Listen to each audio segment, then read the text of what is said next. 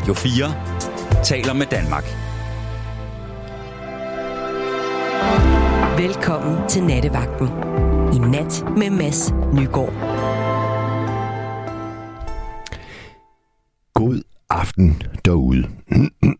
Ja, jeg skal lige rømme mig. Altså, øh, Amanda, som jeg deler studie med, vi har øh, lige snakket om, hvor meget vi har hostet her de sidste øh, seks uger. Det må være, det må være alt det regn. Men øh, vi vil prøve at undlade at hoste her de næste to timer, hvor vi sender direkte. Og nattens tema, Amanda, det er det der med at have en øh, ejendom, man bare ikke kan komme af med. Mm. Det har jeg øh, stået i i 8 et halvt år. Og det vil sige, at jeg har haft dobbelt husleje i 8 et halvt år. Hvad, hvad bor du i, Amanda? Øhm, jeg bor i en andelslejlighed, som er min venindes. Okay. Ja. Og det vil sige, at hvis du en dag beslutter dig for at, at flytte et andet sted hen, så øh, sker der sådan set ikke noget ved det. Nej. Men problemet er jo, hvis man øh, køber en ejendom sammen, og man så efter noget tid bliver skilt, og det var det, der skete i, øh, i mit tilfælde. Vi boede sammen i øh, 14 år, og bliver så skilt, og samme øjeblik, som vi bliver enige om, nu skal vi skille, så sætter vi ejendommen til salg. Og vi havde fire ejendomsmalere ud at kigge, og de kom så med hver sit bud på, hvad den skulle koste. Og så tror jeg måske, vi, vi begik en fejl ved at vælge ham, der mente, at den var mest værd. Fordi han kunne i hvert fald ikke komme af med den. Så skiftede vi maler. Nyt, øh, ny købspris, stadig det samme, der kom få og kiggede. Og nu tror jeg, vi er på maler nummer 4, og prisen er blevet sat ned gang på gang på gang, og alligevel så vil det bare ikke lykkes. Kender du det tv-program, der hedder I hus til halsen? Øhm, jeg har ikke set det, men jeg har faktisk lige øh, scrollet igennem i dag. Er det, det DR, ikke? Jo. Jo, lige scrollet igennem i dag og set, øh, der er kommet et nyt afsnit eller et eller andet. Ja, og det er, det er faktisk 11. sæson af det program. Okay. Det er et meget populært program, og det har altid den samme opskrift. Øh, to håndværkere og en ejendomsmaler, de tager ud til, øh, det kan være en, der bor alene, det kan være et par, og de er bare desperate efter at få solgt deres ejendom. Mm. Og så øh, bruger de fire dage. Øh, de to håndværkere, de giver huset en ordentlig omgang øh, kærlighed, og øh, så slutter programmet af med, at nu sætter ejendomsmælderen en ny pris, hvad hun nu mener, eller han nu mener, at den er værd. Og øh, så den aller sidste melding, man får i programmet, det er, er ejendommen blevet solgt? Mm. Og når det sker, det er, og det er slet ikke hver gang, men når det sker, så, er det, så ender det næsten altid med, at øh, vedkommende, der ejer ejendommen, huset, græder som pisket ja. af lettelse. okay. Og hvis, hvis vi spoler tiden tilbage til, til 2014, inden jeg har oplevet det, som det program det jo handler om, så ville jeg have sagt, kom nu, altså det er jo bare mursten, hvad fanden står du og tuder over? Men nu her otte et halvt år efter, så må jeg skulle sige, at jeg godt kan forstå, hvor tung en byrde det er at stå med sådan en øh, udgift hver eneste måned. For øh, man, man bliver slidt af det. Man bliver træt af det. Og øh, man skal saftsus med godt nok øh, stramme ballerne an, for ikke at, at blive øh, ude af stand til at, at kommunikere ordentligt med den, man deler sådan en ejendom med. Men det synes jeg nu, min ekskone og jeg, vi har været virkelig gode til. Kan du forestille dig at havne i sådan en subdags? Det kan du ikke, vel? Øh, nej. Men jeg tror heller ikke, jeg ved nok om boligmarkedet eller noget som helst til at, til at kunne forholde mig til det lige nu. Jeg, jeg er jo slet ikke så langt henne i mit hvor, liv. Hvor gammel er du, Amanda? Jeg er 22. Du er 22. og hvis du sådan kigger 10 år frem, ejer du så et sted, eller er du evighedslejer? Jeg håber da, at jeg ejer noget til den tid. Øhm, nu har jeg jo bare nogle søskende og sådan noget, jeg kan se op til, at de ejer alle sammen noget, så det håber jeg da også, jeg selv Nå, de, du har søskende, der ejer simpelthen? Ja, men de er også lige 10 år ældre. Nogle og har de så købt alene eller sammen med en partner? Øhm, en af dem alene, og to af dem en partner. Okay. Ja. Og de er sammen endnu, ja. partnerne? Ja, med børn. Det er, jo- det er jo det. Altså, det er jo det, der er hele humlen. Altså, i samme øjeblik, man skal, man skal gå fra hinanden, så, øh, så vælger de fleste jo at sætte til salg i håbet om, at de kan starte på en frisk et nyt sted Mm. for begges vedkommende. Øh, og det sker jo bare ikke automatisk, især ikke når vi taler øh, ejendom i, i udkanten. Altså den, den ejendom, jeg taler om, det er op i øh, Nordjylland. Øh, og jeg ved jo, at øh, det kan være lige så svært at komme af med noget på Lolland og på Langeland. Og, øh, altså der er mange steder i Danmark, hvor det lige nu, der er boligmarkedet bare stendødt. Mm. Og øh, derfor tænker jeg, at det emne her, øh, og måske også fordi, at tv-programmet er så populært, så må der næsten være nogle af jer lyttere, der har stået i en lignende situation, eller måske står i den lige nu, og så skal I være særligt velkomne til at ringe her ind på 72 30 44 44, 72 30 44 44. Men I skal vente med at ringe, fordi jeg skal lige høre, Amanda, du fortalte, at øh, var det din mormor? Ja. Hun havde en nabo. Ja, hun havde en nabo.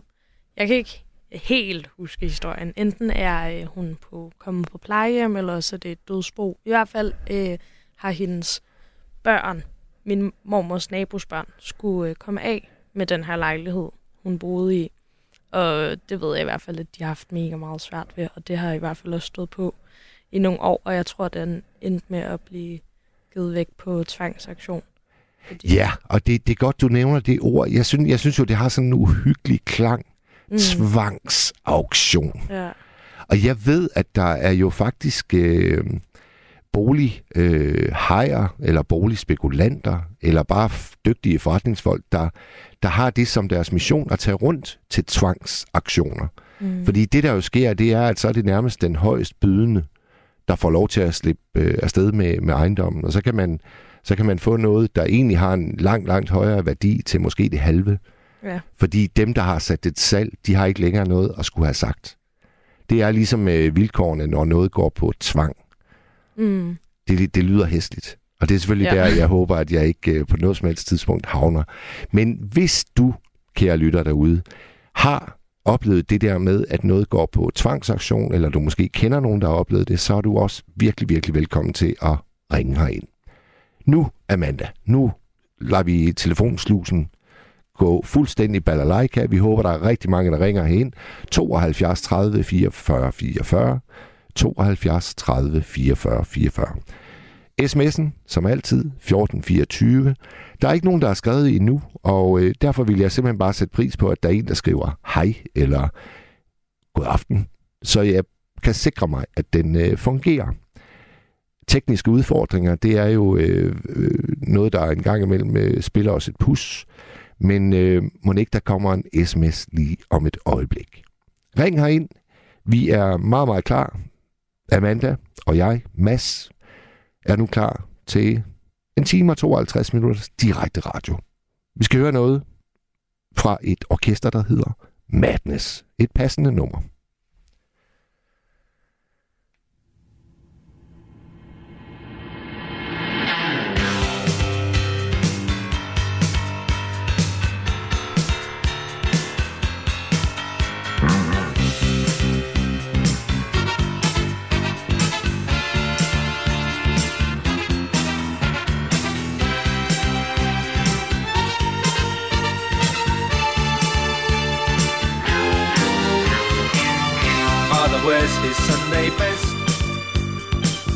She needs a rest. The kids are playing up downstairs. Sister's sighing in her sleep.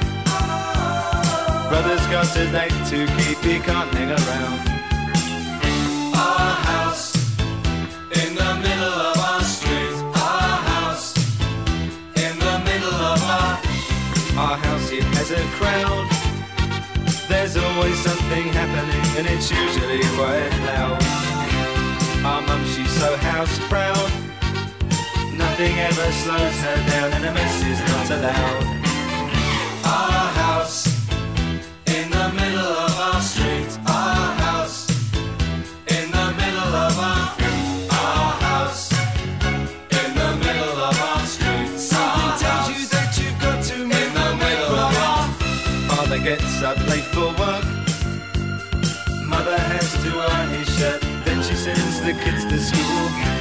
them off with a small kiss.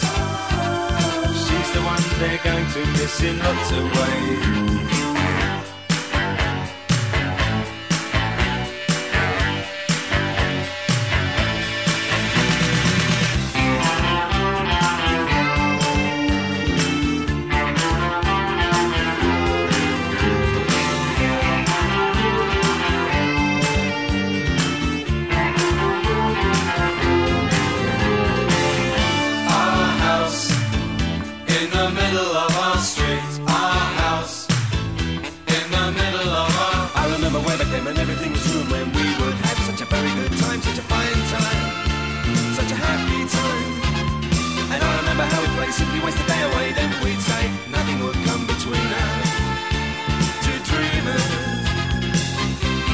Wears his Sunday best.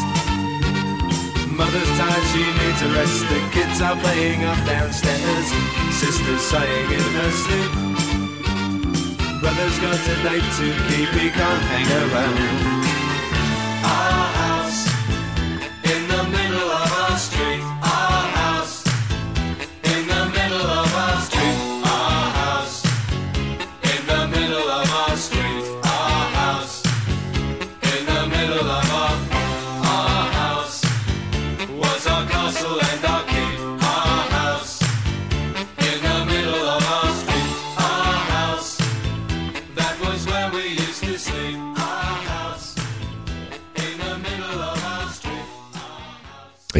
tak til Madness med Our House. Og sms'en den fungerer bare rigtig fint. Hey Mads, hvad var emnet? Kys og kærlighed fra Ormen, Akka Piv, Pivs mand. Og det skal jeg fortælle dig. Det er det der med at sidde i hus til halsen. Lidt inspireret af tv-programmet, der er så populært, og nu kører på 11. sæson. Og så med det helt personlige anker, at jeg har haft dobbelt husleje nu i 8,5 år. Da jeg blev skilt i 2014, der satte ekskonen og jeg vores ejendom, fælles ejendom salg. Og vil I tro det, det er fandme ikke lykkedes endnu. Ja, man kan sige, at vi har faktisk ikke engang været tæt på. Og det er slidsomt, og det er udgifter, der bare regner ned over en. Og øh, det er det, jeg gerne vil tale med jer om i nat. Også det, hvis man måtte have oplevet at gå på tvangsauktion. Dramatisk ord i sig selv. Nu har vi en lytter igennem. Hvem taler jeg med? Du taler med Gert. Goddag, Gert. Goddag. Altså, jeg, jeg følger med dig. Og hvor, hvor ringer du fra, Gert? Øh, Lad os lige få det på. På Aarhus. Fra Aarhus, ja. Har du oplevet Øh. noget, der minder om, Gert? Det har jeg i hvert fald. Fordi øh, mig og min kæreste, vi var ikke gift. Vi var vi boede sammen i to år Ja. i et hus. Øh, vi boede ikke sammen, så vi boede på hver sin etage i huset. Øh, og det gik to år, før vi fik det solgt. Ja, det, er det var ikke det, sjovt. Nej, det er nemlig ikke sjovt. Nej. Prøv at, øh, prøv at beskrive, øh, hvordan øh, jeres situation var lige der, da I be- beslutter jer for at sætte det til salg. Hvad, hvad, hvad var øh, status der? Jo, men altså, øh, status var, at øh, vi kunne slet ikke sammen. Altså, vi lavede, vi lavede godt nok mad sammen på et tidspunkt, men øh, det hørte også op. Øh, fordi køkkenet lå i, i, på hendes etage, ikke? Ja. Så Men skal jeg forstå det sådan, Gert, at i de to år, der gik før det blev solgt, der boede I faktisk stadigvæk sammen? Nej, vi boede ikke sammen. Altså, vi boede på, på hver sin etage. Ja, ja, men altså i samme, jeg, jeg samme boede på første. Ja. I samme hus, ja. I samme hus. og man løber jo ind i hinanden hele tiden. Jamen, det er jo det. Ja. Det er skrækkeligt. Hvad med det helt praktiske valg af mailer? Hvordan, øh, hvordan besluttede I jer for en mailer? Jo, men altså, det var vi faktisk enige, enige om. Øh, at det skulle være ham og ham. Okay. Og holdt, Og- holdt, I, altså- holdt I fast i den samme i samtlige to år? Ja, det går vi. Ja, det går vi. Okay. Og til sidst lykkedes det. Det var et kæmpe hus, vi havde. Og der var ikke gjort, rigtig gjort noget ved det. Det var ikke, det var ikke i Aarhus, det var i Kalundborg. Ja. Så... Og senere, jeg er så senere flyttet til Aarhus. Gert, øh, lad os øh, dykke ned, øh, da der var gået et års tid. Hvordan, øh, hvordan var stemningen mellem jer der? Jo, men altså, det var på, på frysepunktet, ikke? Ja, Altså, ja. fordi det var sgu ikke sjovt. Det, Over, overvejede I, øh, ja, overvejede I at, at melde jer til programmet øh, i hus til halsen? Jamen, Nej, det, var slet ikke på tale dengang, fordi det, det er 25 år, ikke? Nå, okay. Du husker helt tilbage til noget, der skete for 25 år siden. Altså, jeg prøvede faktisk, øh, jeg prøvede faktisk at komme med i programmet. Jeg tror, det er, det er nok 3-4 år siden. ja, Og det man, øh, det man skulle, det var at lave en hjemmevideo. Altså ja. Gå rundt øh, med et videokamera i det hjem, du gerne vil have dem til at komme og fikse og sælge. Øh, og det var sgu en underlig, øh, en underlig dag. Jeg kan huske, at jeg havde min, min datter til at, at gå rundt med, med sådan et, øh, et videokamera, og så skulle jeg så øh, gå rundt der og, og på en eller anden måde fortælle, hvad det var, jeg gerne ville af med øh, i en fart. Det var, det var en særpræget oplevelse, og måske var det, fordi jeg var virkelig dårlig til det, at vi ikke øh, blev udvalgt til at deltage i programmet. ja, ja. Men hvor var det dejligt at høre, at det kan lykkes. Hvad, hvad, hvad, hvad gjorde udslaget? Hvem kom og sagde, vi redder jer sgu, nu vil vi gerne overtage? Hvem var det? Det var et, et øh, ægtepar, der var ansat på, på Novo Nordisk dengang.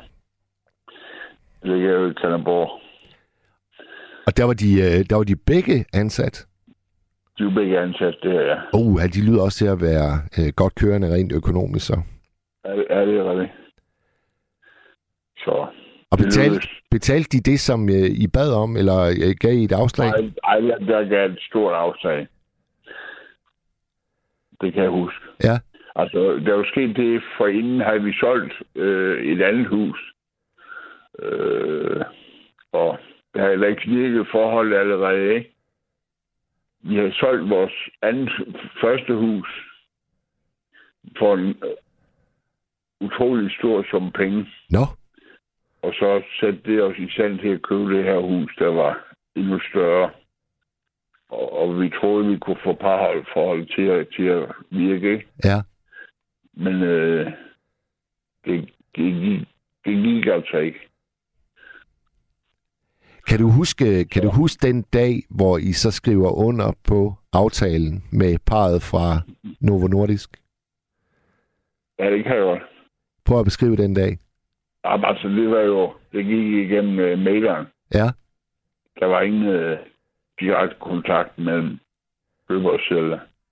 Nå okay, de, I var ikke i samme rum, da, det, da Nej, det der blev... Nej, det, det var vi ikke, nej. Okay. Og hvad med dig og din, øh, din eks der? Hvordan øh, fejrede I det, eller? Nej, overhovedet ikke. Det var så Øh. meget på frysepunktet, at I havde sgu helt glemt at kunne juble sammen. ja, det vil jeg nok sige. Ja, Men, men altså, vi har da et godt forhold i dag, ikke? Altså, det er jo det.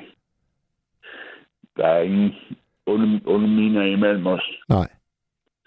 Så Havde I, øh, havde I børn, øh, da det her øh, står på? ja, hun, havde, hun havde tvillinger, Okay. som er, som, som er kendt for, de var to og et halvt til, til de der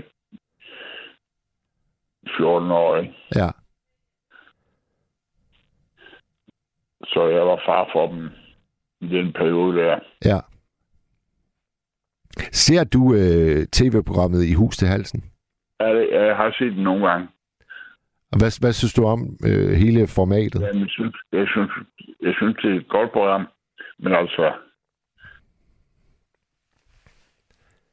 Ja. øh, jamen, jeg synes, det er et godt program.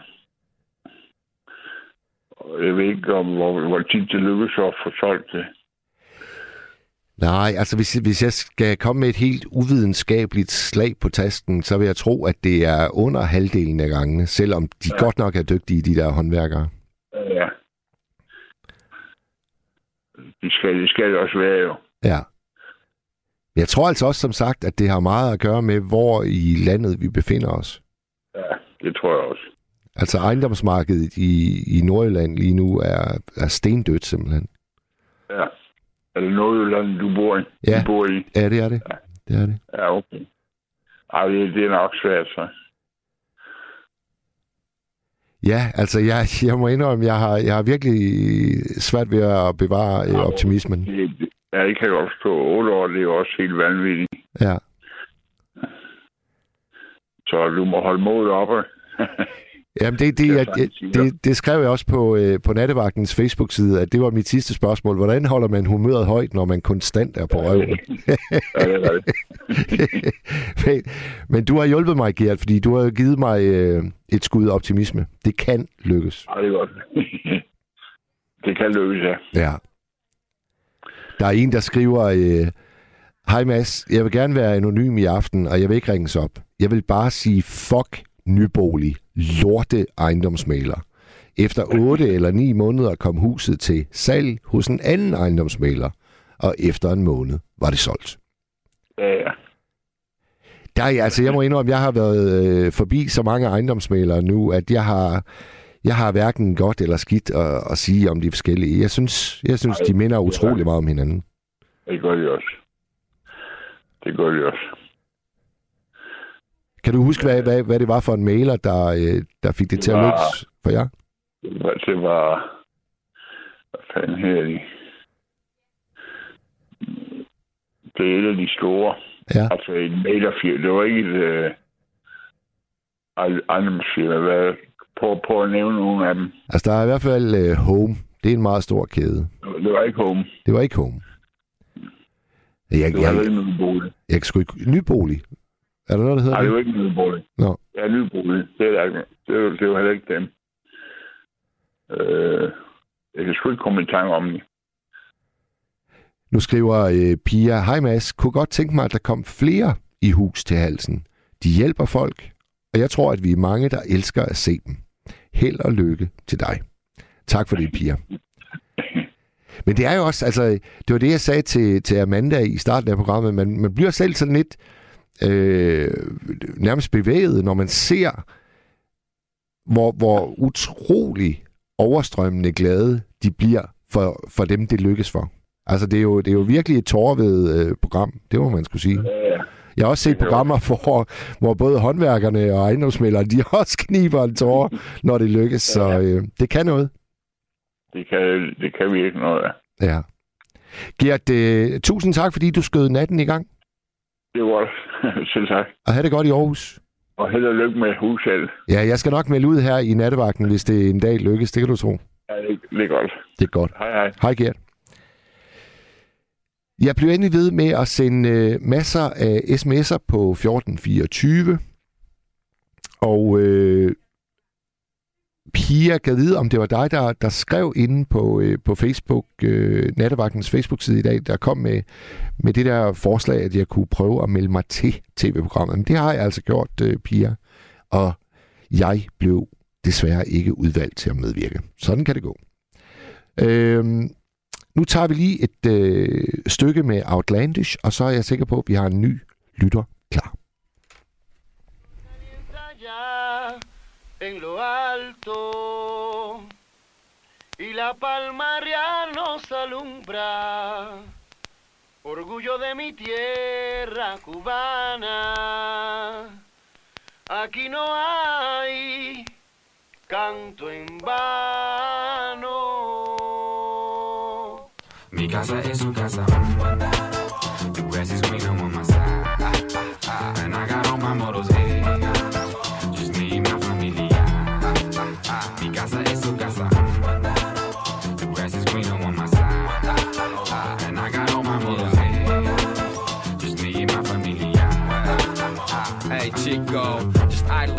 I went into the supermercado. Cop the Cuban hat, bootleg, come by segundo. From barbecue, you know, El Kebab on it. It's time, no blues, bro, the barbecue by. Give 20s and a couple of wise words to the kids. I'm an example to them. Stay in school, learn biz. Tell them respect the whole nine. Respect the old folks. Take my dinner with the dime. Couscous with parmesan. The sun is about to set. Hawaiian shirt, Havana cigars. Red sky, hot breeze. Ladies like guitars. I'm not gonna show you where it's Pueblo, ghetto. Veteran cars, ain't on flat tires. Just hold on. Or we can lounge in Tangier. Not the one in Vegas, uh-huh. nah, the one in Morocco. Cruise the Atlantic from yours to my block. Some more hot sauce, some more sipping. Some more palma, some more baila. Mi casa es su casa. The grass is greener on my side. Ah, ah, ah. And I got all my models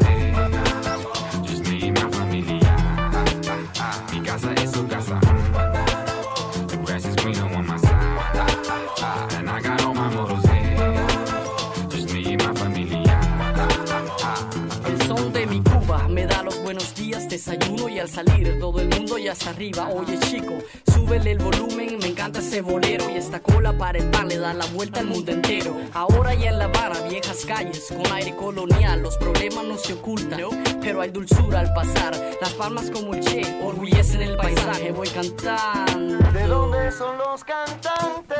Por mi isla, mi compadre, voy cruzando. Solo en short con mis gafas, mi cheve sol ardiente. Hoy es un día especial porque hoy me voy pa' Oriente. degrees you can barely move. Plus the salsa making it hot and disco even groove. So move, life is what you make it. It's that simple and plain. Sometimes you get sunshine, but for now we got no Mi rain. casa es su casa.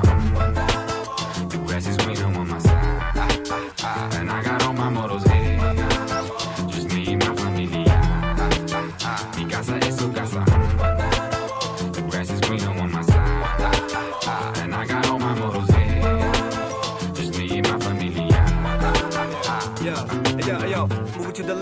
Back up a bit, okay, hold it there. We gon' watch the game though the signal ain't clear. Yeah, where I'm from, they call it cricket. Around here it's pelota. That's two great games coming from two proud cultures. You've seen them play their part on the streets from the start. Some of the greatest came from here. You know they got heart. Role models from the block deep down in the ditch. And they switch, hit a sixer ball, left man off the pitch. We lights out, ain't got no electricity for the rest of the night. We don't care, light us up, bounce to the speed till the sun gon' come up. More hot sauce, more sipping, more palmas, more baile, more sunshine. Mi casa es su casa. The grass is greener on my side. And I got all my models here. Just me and my familia. Mi casa es su casa. Grass is greener on my side. And I got all my models here. Just me and my familia. Mi casa es su casa. The grass is greener on my side. And I got all my models here.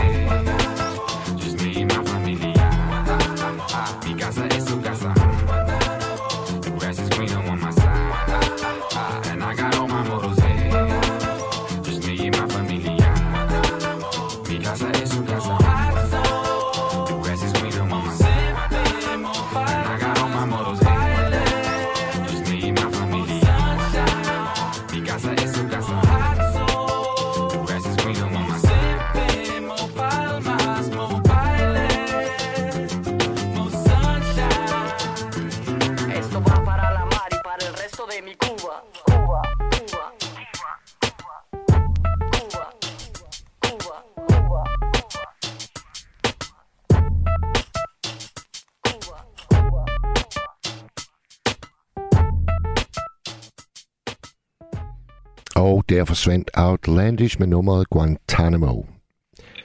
Vi har en ny lytter med os. Hallo. Ja, hallo. Det er Bjarne. Goddag, Bjarne. Nå, jamen altså, det der med tvangsauktion, det kan jeg altså ikke anbefale. Nej, øh, øh, øh, Bjarne, jeg skal lige, øh, øh, har du din radio tændt, imens øh, vi snakker? Nej, den er, ja, den står helt nede på tre. Nu er den i hvert fald fuldstændig. Ja, men du går også meget klar igennem. Ja, okay. Bjarne, du, du sagde noget i retning af tvangsaktion. Det skal vi ikke ønske for nogen. Nej, nej, det er altså det er de rene og skære psykopater, man er op imod. Hvad har du Ja, oplevet? Ja, ja, så, så, så finder man altså ud af, at man, øh, at man ikke rigtig har nogen venner. Hvad skete, Det- det hvad, skete der, hvad skete der for dig, Bjarne? Jamen, øh, der skete det, at, at, øh, at jeg havde et hus i Use. Og dengang jeg købte, der vidste jeg ikke, at det øh, øh, lå op af en rørlagt å. Og så begyndte man at lave noget kloak øh, i 2005. Ja. Og så, så, så knækkede huset. Nej, Jo. altså helt, ja. helt bogstaveligt. Jamen, der kom nogle, der kom nogle grimme revner i. Og jeg havde også et problem med skat, der skulle låne nogle penge, og, og så fordi, at, at, at, at øh, altså, når man åbnede hoveddøren, så kunne man se en stor revne i tapetet, ikke? Så det var ikke nemt at låne penge hos kreditforeningen. Nej. Men jeg kæmpede så i flere år og fik en advokat på, og jeg havde noget... Jeg havde jo en forsikring og skulle have noget retshjælp, og det tog flere år før, at uh, forsikringsselskabet slap pengene. Og, og så, kunne jeg, så kunne man så begynde at køre en sag op mod kommunen. Men så skete der bare det, at sådan cirka en måned før jeg skulle have mødt øh, øh, kommunen i byretten, Ja. så, øhm, så var skat kommet efter mig, fordi jeg var kommet bagud med at betale. Altså, jeg manglede jo penge, ikke? Ja. Og- Og havde også taget alle mulige lån, du ved, for at, hvad skal vi sige, at holde den gående til retssagen var, var overstået og så videre, ikke? Ja. Men øh, så kom skat øh, lige pludselig efter mig og ville have mig konkurs, og ah, jamen, der var rodet i, i alverdens ting og sager. De, de havde jo den der, åh, hvad fanden er det, altså den der ejendomsregistrering, hvad fanden er det, de kalder det? Øhm, tinglysning. Ja. Altså, man, man, man havde lavet noget, noget tinglysning, som var som skulle være elektronisk, ikke?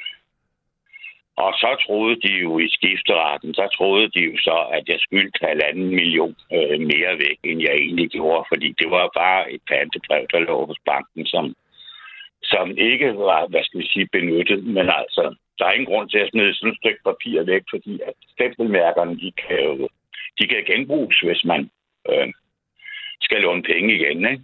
Hvor- Hvornår skete det her, Bjarne? Jamen, det var i, det var i 2010. Okay. Det var, det var, ja, det, det var så kort efter øh, finanskrisen. Den, den havde jeg jo, den havde jeg jo så klaret mig igennem. Ikke? Ja. Men øh, nu skal du høre. Øh, øh, Skats advokat og kommunens advokat, det var det samme firma. Nå, Og de, og, og de ville ikke vente på, at, at, at jeg førte sag mod kommunen og, og, og, og, hvad skal vi sige, og kunne rejse de kontakter, jeg var bag med at betale hos skat. Så det var bare en røvtur, og huset det blev solgt for en krone. nej! Nu var det så sætningsskadet, men det blev så solgt en 14 dage senere for en 700.000, ikke? Og, og folk, de tror, at det er løgn, når jeg fortæller det, men altså, det, er- sådan virker demokratiet, når det først være nede og ligge. Så sparker de hårdt. Jamen, hvordan, hvordan kan det blive solgt for en krone, Bjarne? det var jo, det var jo, det var jo, det var jo sætningsskadet og, og, og, og, skulle, øh, og, og skulle renoveres, ikke? Ja. Og, og øh, der Men- havde jo ikke... øh, Altså, mens jeg sådan gik og, og hvad skal vi sige, forberedte sag mod kommunen og, og så videre og så videre, og skat ville have penge, og kreditforeningen ville ikke låne mig, og, og det var ellers nemt at låne penge på det tidspunkt. Det er ikke altså... I, I samme periode, der fik øh, naboen, der fik de, de solgt deres hus efter at have smukseret lidt på det. Det fik de solgt for 2,5 millioner, ikke? Men altså mit, det gik altså for en, det gik altså for en krone. Ej, hvor er det vildt. Men altså, jeg har hørt mange historier om folk, som, altså måske ikke lige en krone, vel, men altså, som har fået solgt, øh, hvad skal vi sige, deres ejendom, når de ikke har kunne klare den mere. Altså, Ja. ja. på, på tvangsauktion, det er fuldstændig øh, vanvittige beløb. Der, der, der bliver virkelig, hvad skal vi sige, sat store formuer til, og, og livsopsparinger, når, når det går den vej der. Men, men øh, jeg, jeg sagde jo også tidligere i programmet, der er jo folk, der spekulerer i udelukkende at handle med tvangsauktionsramte ejendomme. Jeg ved ikke, hvad fanden det egentlig er, der foregår. Altså, øh, der, det er ligesom om, at der er ikke rigtig nogen... Øh, der er ikke rigtig nogen konkurrence på det område, men, men, men det har også noget at gøre med, at du, øh, øh, hvis du vil byde på noget, så skal du have kontanter med i retten. Ja. Og, og, og, og så kan man så sige, jamen, så, så det går der ikke noget op på noget finansiering på plads, eller sådan noget eller andet. Altså, det, det forudsætter, at du har penge. Øh, plus, at der så er måske et eller andet med, at der er noget øh, med noget el, øh, eller noget vand, eller et eller andet, som der måske er blevet lukket for, og skal lukkes op igen, og noget, sådan noget bøvl, ikke? Altså, jeg tror, det kostede der var nogle udgifter på omkring 50.000 kroner, eller, eller sådan et eller andet, ikke? Ja. Som, som skulle betales oven i den, øh, oven i den krone, ikke? Men Bjarne, hvad sker der øh, for dig, da det så bliver solgt for en krone? Altså, må du flytte i hud og hast, eller? Øh, ja, jeg får lov til at, og, og, hvad skal vi sige, at, at overvintre der. Og jeg, jeg går til kommunen, du ved, ikke? Og, og de har taget mine penge, de har lukket min bankkonto og, og, og, og så videre, ikke? Jeg bliver erklæret øh, personlig konkurs også, ikke? Ej, det lyder godt nok som den helt store røvtur. De, de, de, de tilbyder så, at jeg kan tage min kone og min, og, og, og, og min datter. Jeg, hvad fanden var hun dengang? Øh, hun har været, ja, hun har været 15 år. Øh, Vi kunne, vi kunne gå ned på øh, øh, det lokale misbrugscenter, hvor man, øh, hvor man indkvarterer alkoholikere og narkomaner. Ikke? Så kunne vi få lov at få nogle papklasser med. Øh, Men altså, var, det, var der nogen i jeres familie, der havde et misbrug, siden I skulle derned? Nej, det var der ikke. det var der ikke, men det er sådan, hvad kommunen kan tilbyde. Altså kommunen, de, altså, man har rent og betalt skat hele livet, ikke? Øh, men altså, når, når man øh, sådan lige pludselig så siger, jeg har ingenting, advokaten har taget det hele. selv, selv, øh, selv firmaets frimærker øh, havde det taget, ikke?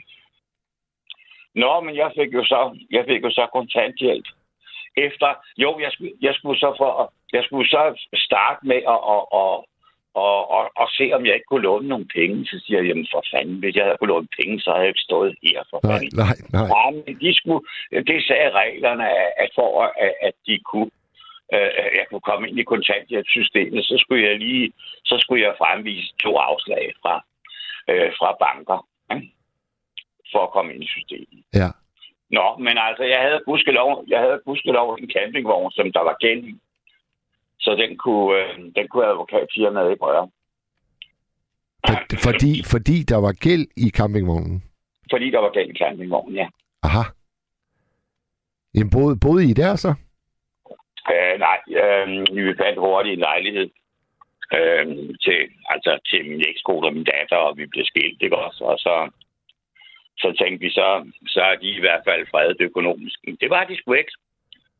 Fordi så lavede skat lige pludselig op på hendes, øh, hendes skattebillet med tilbagevirkende kraft. Hun havde fået noget af mit fradrag, ikke? Ja. på grund af, af likviditetsmæssige årsager, ikke også? Så, så hun har hun, har hun betalt, hun har betalt en, hun har jo betalt en halv million eller sådan et eller andet fuldstændig urealistisk. Jeg tror også, hun har betalt for meget. Der er noget med, at de har tre systemer hos skat. Altså to af dem er jo totalt sammen. Der er jo ikke noget, der, er ikke noget, der fungerer. Jamen, jeg har, jeg har fandme lige i dag postet et øh, tykt brev til Skat, der nu holder til i Saxkøbing. Ja, ja. Jeg sendte et brev til afdeling 46. Det er der, hvor befordringsgodtgørelseskontoret det er. Mm. Og det er sgu fordi, Bjarne, de tror ikke på, at øh, jeg bor i Hirtshals, og altså rejser, det er vel 458 kilometer for at passe øh, det job, jeg sidder og har lige her sammen med dig. Det vil de se, det vil de, det vil de have, det vil de have bevisførelse for. Så jeg har siddet og har gået tilbage på øh, i min mailbakke for at finde øh, flybilletter. Jamen, altså, de, er- de er ikke rigtig kloge hos skat, og, og de har ikke styr på noget som helst.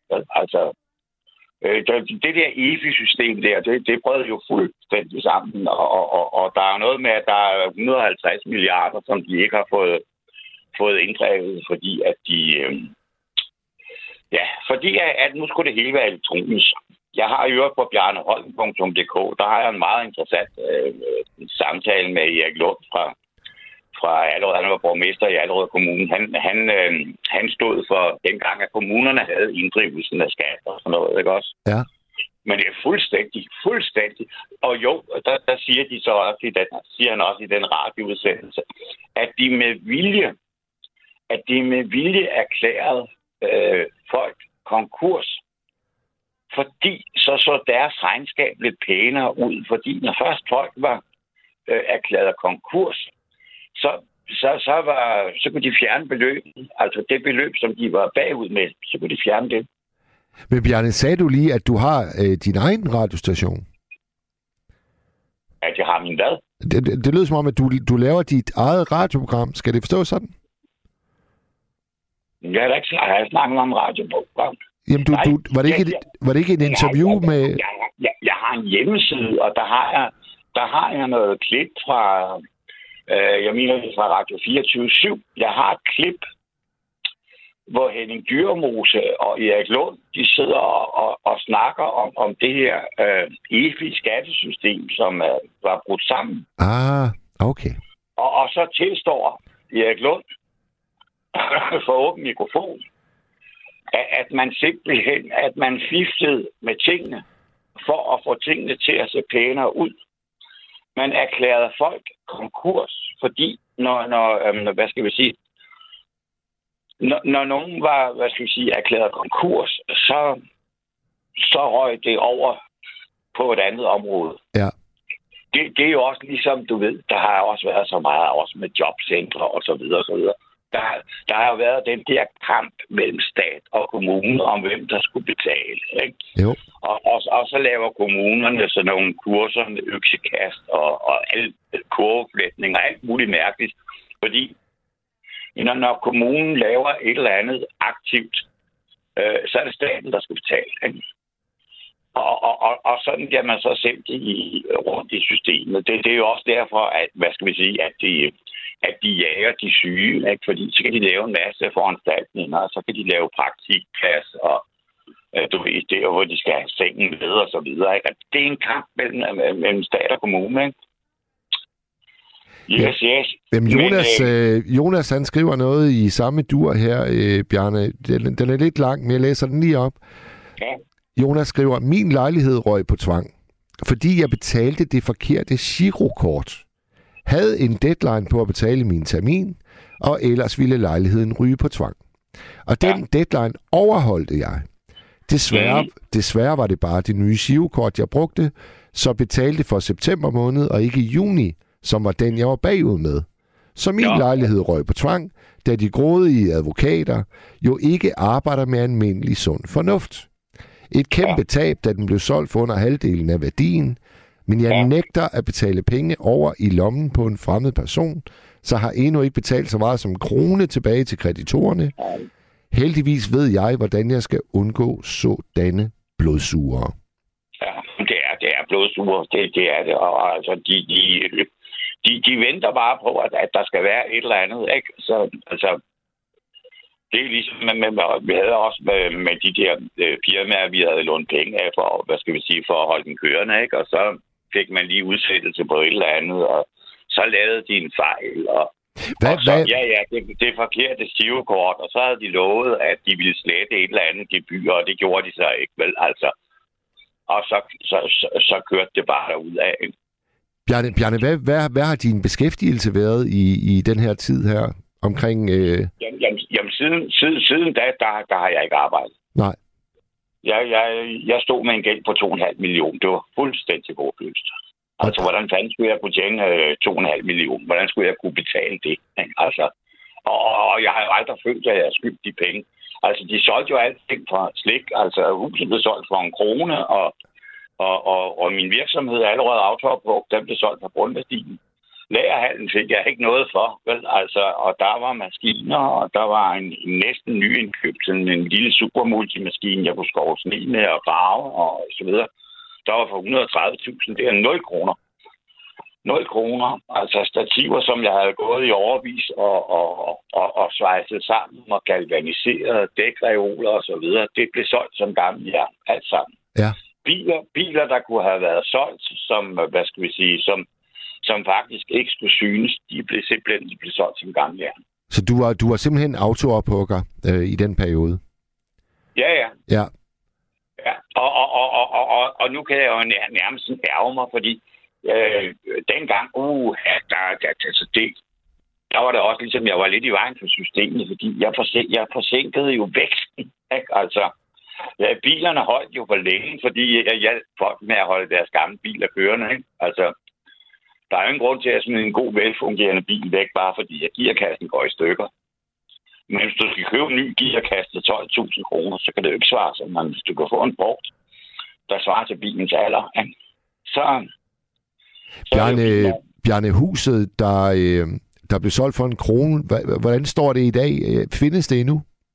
Det er blevet... Øh, det er, ja, ja, det, det findes. Og i øvrigt så findes der... Der findes i hvert fald to andre huse, øh, som er blevet rigtig godt ødelagt af, af den her dårligt vedligeholdte rørlagte å. Altså, der, der sker jo det, at- den, altså, det er lavet i 1930'erne, der sker jo det, at når, når betonen den, den, den revner, og der er huller og så videre, så begynder åen, så begynder den jo at, at suge grus og stenene og, og, og så videre væk, ikke? Så graver den jo i, øh, i undergrunden, ikke? Ja. Nej, nej, det er blevet smukseret, og øh, for et års tid, snart, jeg tror det er to år siden, der, der, der kontaktede jeg ejeren og spurgte, om, om, om de egentlig var klar over, at det var et sætningsskadehus, de havde købt. Så skyndte de sig at sælge det. Men altså, senest er det blevet solgt for 3 millioner, og den, øh, den nye ejer ved godt, at, øh, at det er sætningsskade. Det har simpelthen øh, sat sig, øh, var det 8,5 cm i, i den side, der vender ud mod stien, og åen ligger under stien. Ikke? Øh, Der er en lytter ved navn David, der spørger, det er meget logisk spørgsmål egentlig. Når den kun kostede en krone, hvorfor købte du i så ikke for to? Jamen, det kan man da ikke. det kan man da ikke, fordi altså, udover at, at, at, skal betale den der krone, så skulle der betales det der beløb på omkring 50.000 kroner. Ah, ja. Og, og, og, og, og når man ikke har nogen, øh, når man ikke har nogen kreditværdighed eller noget som helst, jamen, det, det, kunne, det kunne bare ikke lade sig gøre. Nej. Og, og, og advokaten, han havde jo besluttet sig for, at der ikke skulle føre sag mod kommunen. Så jeg siger, jamen, jeg, for fanden, jeg skal da, jeg skal da bruge de penge. Nu har, jeg jo brugt, øh, har brugt næsten øh, 100.000 kroner til at, at, at, at, at, at, at komme så langt. Nej, men han vurderede, at den ikke kunne vinde, så, og, han, og han havde kontaktet en kollega, og han mente heller ikke, at den kunne vinde. Så, så, så var det lige pludselig advokaterne, der var dommer. Ja. Og, og så kommunens øh, skatsadvokat kom så altså til alligevel at betale 20.000 kroner tilbage til, til advokaten, som, øh, som skulle køre sagen mod kommunen. Men det lyder, det lyder, det lyder altså også, øh, det lyder altså også virkelig forvirrende med alle de der forskellige instanser, der er en del af hele det her menageri. Jamen altså, det er så hammerende rødent, ikke? Og, og, og, og altså, vi kan jo bare se, hvad der sker i samfundet i dag, ikke? Men du er stadigvæk i stand til at, at, at slå en stor latter op. Altså, du er jo ikke øh, en knækket mand, der, der bitter af helvede til. Altså, jeg, jeg, går stadigvæk på arbejde om natten. Det er sgu, det er sgu mærkeligt. Jeg, jeg drømmer hele tiden af, at, at jeg er på arbejde. Det er sådan, det er sådan noget mærkeligt noget. Jeg, jeg, altså, jeg glemmer ikke det der. Altså, og det er også årsagen til, at jeg har fået førtidspension. Ikke? Det er jo fordi, altså, man har mistet, man har mistet troen på det hele. Ikke? Jo. Det, det, jeg, det, jeg ikke kan lade være med at tænke på, det er det der med, øh, at, at den bliver solgt for en krone. Altså, det er jo, det er jo nærmest en... Altså, det er jo Det nærmest en en hund. Det er, det er en hånd. Ja. Det er det. Og ved du hvad? Det får mig lige til at komme i tanke om, at øh, motorfabrikken på Marstal, øh, på Ærø, ja. den, den, den røg også på, på tvangsaktion, og det var tre øh, kvinder, der købte øh, den gamle motorfabrik. Fine, fine sted. Meget, meget smukt. Helt nede ja. på, på havnekajen. Øh, for 1000 kroner. Nå. Det var, det var øh, det, de måtte af ja. med. Og ja. de, øh, de har så forvaltet stedet virkelig, virkelig fint og har lavet det til sådan en øh, kultur, øh, ja. kulturcentrum i Marstal. Ja. Men, øh, men altså mange gange, altså mange gange, når, når det er sådan noget øh, konkurs der, og, og der måske har, hvad skal vi sige, at det har ligget lidt, så, så er der jo røget nogle, ja, for eksempel nogle ejendomsskatter på, ikke? Ja. Der er røget. Nå, og, og de skal jo så betales. Altså, der altså ejendomsskatter, det, det er meget højt og heldigt. Altså, hvis folk de tror, at de ejer deres boliger, så skal de bare prøve at, at, at forsinke betalingen af ejendomsskatten. Det prøvede jeg jo for ligesom at få en dialog gang med kommunen. Altså, så siger jeg, altså, det kan ikke passe, at jeg skal betale ejendomsskat af af et hus, der er sætningsskadet og ødelagt. Det vil de skide på, hvis ikke jeg har betalt inden sådan og sådan. Jeg kunne få 14 dage, og ellers så røg huset på tvang. Ja. Men det, det er jo så det, jeg vil fraråde alle. Altså simpelthen, øh, er der problemer, så skær alt væk. Alt, hvad der hedder abonnementer på blade og fitness og alle ting, som kan undværes. Fordi altså, hvis man først ryger ind i den der Mølle. den mølle der, og, og, og, og hvad skal vi sige, og, og, og få frarøvet ens opsparing? Ja. så øhm, det, det er fandme øhm, det er svært at indhente.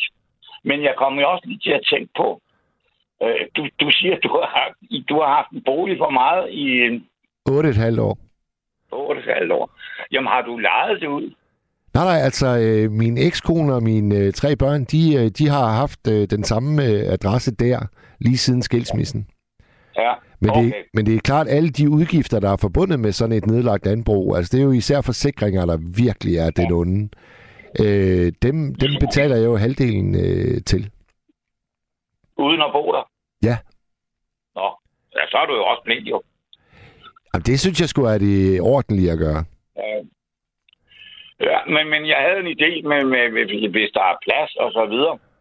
Øhm, få nogle, øh, prøv, hvis, hvis der er plads, så prøv at lege noget ud af det ud til nogle, øh, til nogle polakker. De er også, Ja. de er, de er også enormt dygtige håndværkere. Ja. Jamen altså, jeg, jeg, jeg, hver, hvert forår, så kravler jeg op på gavlen, og så, øh, så pusser jeg den, så den står i finest, fineste stand. Så det er jo ikke, det er jo ikke fordi, at øh, hænderne er skruet helt forkert på.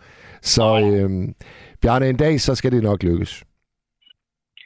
Ja, det vil jeg sgu da håbe for dig. Men ja. altså, ja, men lad det endelig, endelig, endelig, endelig ikke gå for tvang. Det er det. Og det er, det er, det er råd, det, er, det vil jeg gerne sende øh, ud i æderen med understregning. Lad det intet gå på tvang, hvis du kan undgå det. Det er Bjarnes råd.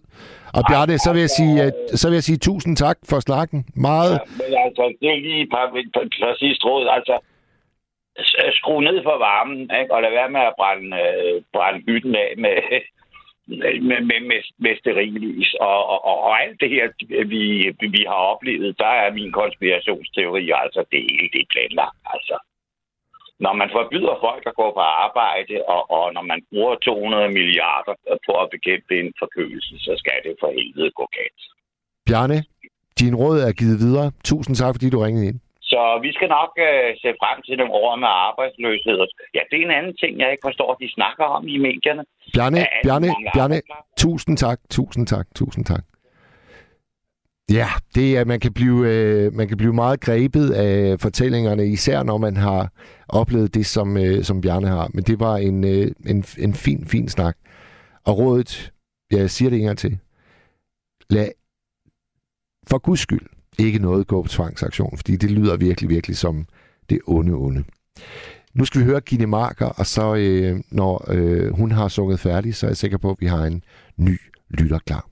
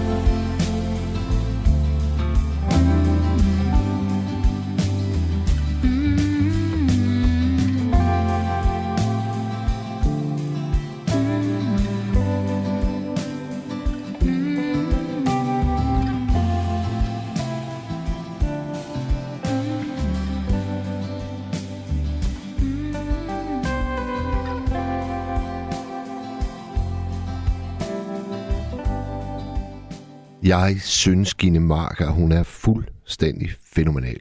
Dejlig, dejlig dansk sangerinde. Og øh, jeg har to yderligere numre på playlisten, og det er også danske musikere. Der er jo nemlig en lytter, der går meget op i, at vi spiller meget dansk. Og øh, jeg tror faktisk, alle vi nattevagter har øh, lyttet til det. Nu skal jeg sige velkommen til Jonas. Er du der, Jonas? Hallo. Hej. Hej. Velkommen til programmet. Tak. Og Øhm, Jonas, hvad har fået dig til at ringe ind? Jamen, det var egentlig, jeg, jeg var faktisk gået i seng. Men så ringede, fordi jeg skrev den der sms. Åh, oh, den jeg læste op med, du mistede din, øh, din lejlighed. Ja, korrekt. Prøv, ja, prøv lige at tage os med. Det var, det var noget med et shivekort. Jamen, det er sådan helt, altså, det er så 12 år siden nu, tror jeg, ikke? Ja. Og øh, ja, jeg havde egentlig et okay godt arbejde, og så tjente, jeg tjente rigtig godt, faktisk. Og så gik jeg ned med noget depression og sådan nogle ting, og så gik økonomien også ned, og jeg kæmpede hårdt og kom tilbage. Men man kan sige, at jeg, jeg havde et efterslæb der, som jeg kæmpede for at altså, altså komme tilbage med. Ja. Og så fik jeg det der trusselsbrev, eller man kan sige om, at den var ved at ryge på tvangsaktion, og jeg havde 14 dage til at indbetale. Og hvor stort var beløbet, sådan cirkus, kan du huske det? En 14-15.000. Ja. Fordi jeg havde lige fået et nyt lille arbejde, hvis man kan sige det sådan, og lønnen gik ind, og jeg brugte stort set hver en krone, der gik ind på min konto der på at betale de der penge der. Og altså, tænkte, så er det noget af verden. Ja. Og så gik der en uges tid, som jeg husker det, og så kom der et brev om, at nu var tvangsaktionen startet. Og så tænkte jeg, der er noget galt. Så jeg, jeg ringer til dem og siger, det, det kan jeg simpelthen ikke forstå det her. Jeg har betalt. Jamen, de kunne godt se, at jeg havde indbetalt, men jeg havde betalt for september måned. Så var det, fordi der var kommet et, et nyt chivkort efterfølgende, at det, og det var åbenbart nok til, at så sender man på tvangsaktion. Jamen for fanden, Jonas. Hvordan reagerer man, når man får sådan en melding der? Jamen, jeg tænkte, ja, altså, al, al logik i mit hoved siger, jamen, man betaler vel selvfølgelig den ældste gæld først, og hvorfor skulle jeg betale 15.000 kroner og, og springe en termin over velviden om, at så vil miste min lejlighed og alle de der ting der. Så ligesom, ja, Og hvad, hvad, hvad er det næste, der, der sådan helt konkret sker for dig? Øh, jamen, det er jeg går, jeg går pænt ned med fladet igen, for at sige det mildt. Øh, og mister også mit arbejde, jeg havde der. Og, og tager simpelthen over til en ven i, i Sverige, og er der i 3-4 måneder. Og hvad med, hvad med dine ting i lejligheden? Får du dem øh, fragtet ud, eller... Øh, noget, altså, det er, jo, det er jo en lang proces der. Altså, det her, det er jo... Altså, det var, som jeg husker, sådan noget, også august, ikke? Det var jo september måned, jeg kom til at betale, ikke? Så det har jo været inden september, kan man sige. Øh, og den, ryger, altså, den blev først solgt anden gang, hvor det sådan er den gældende gang i marts året efter, ikke?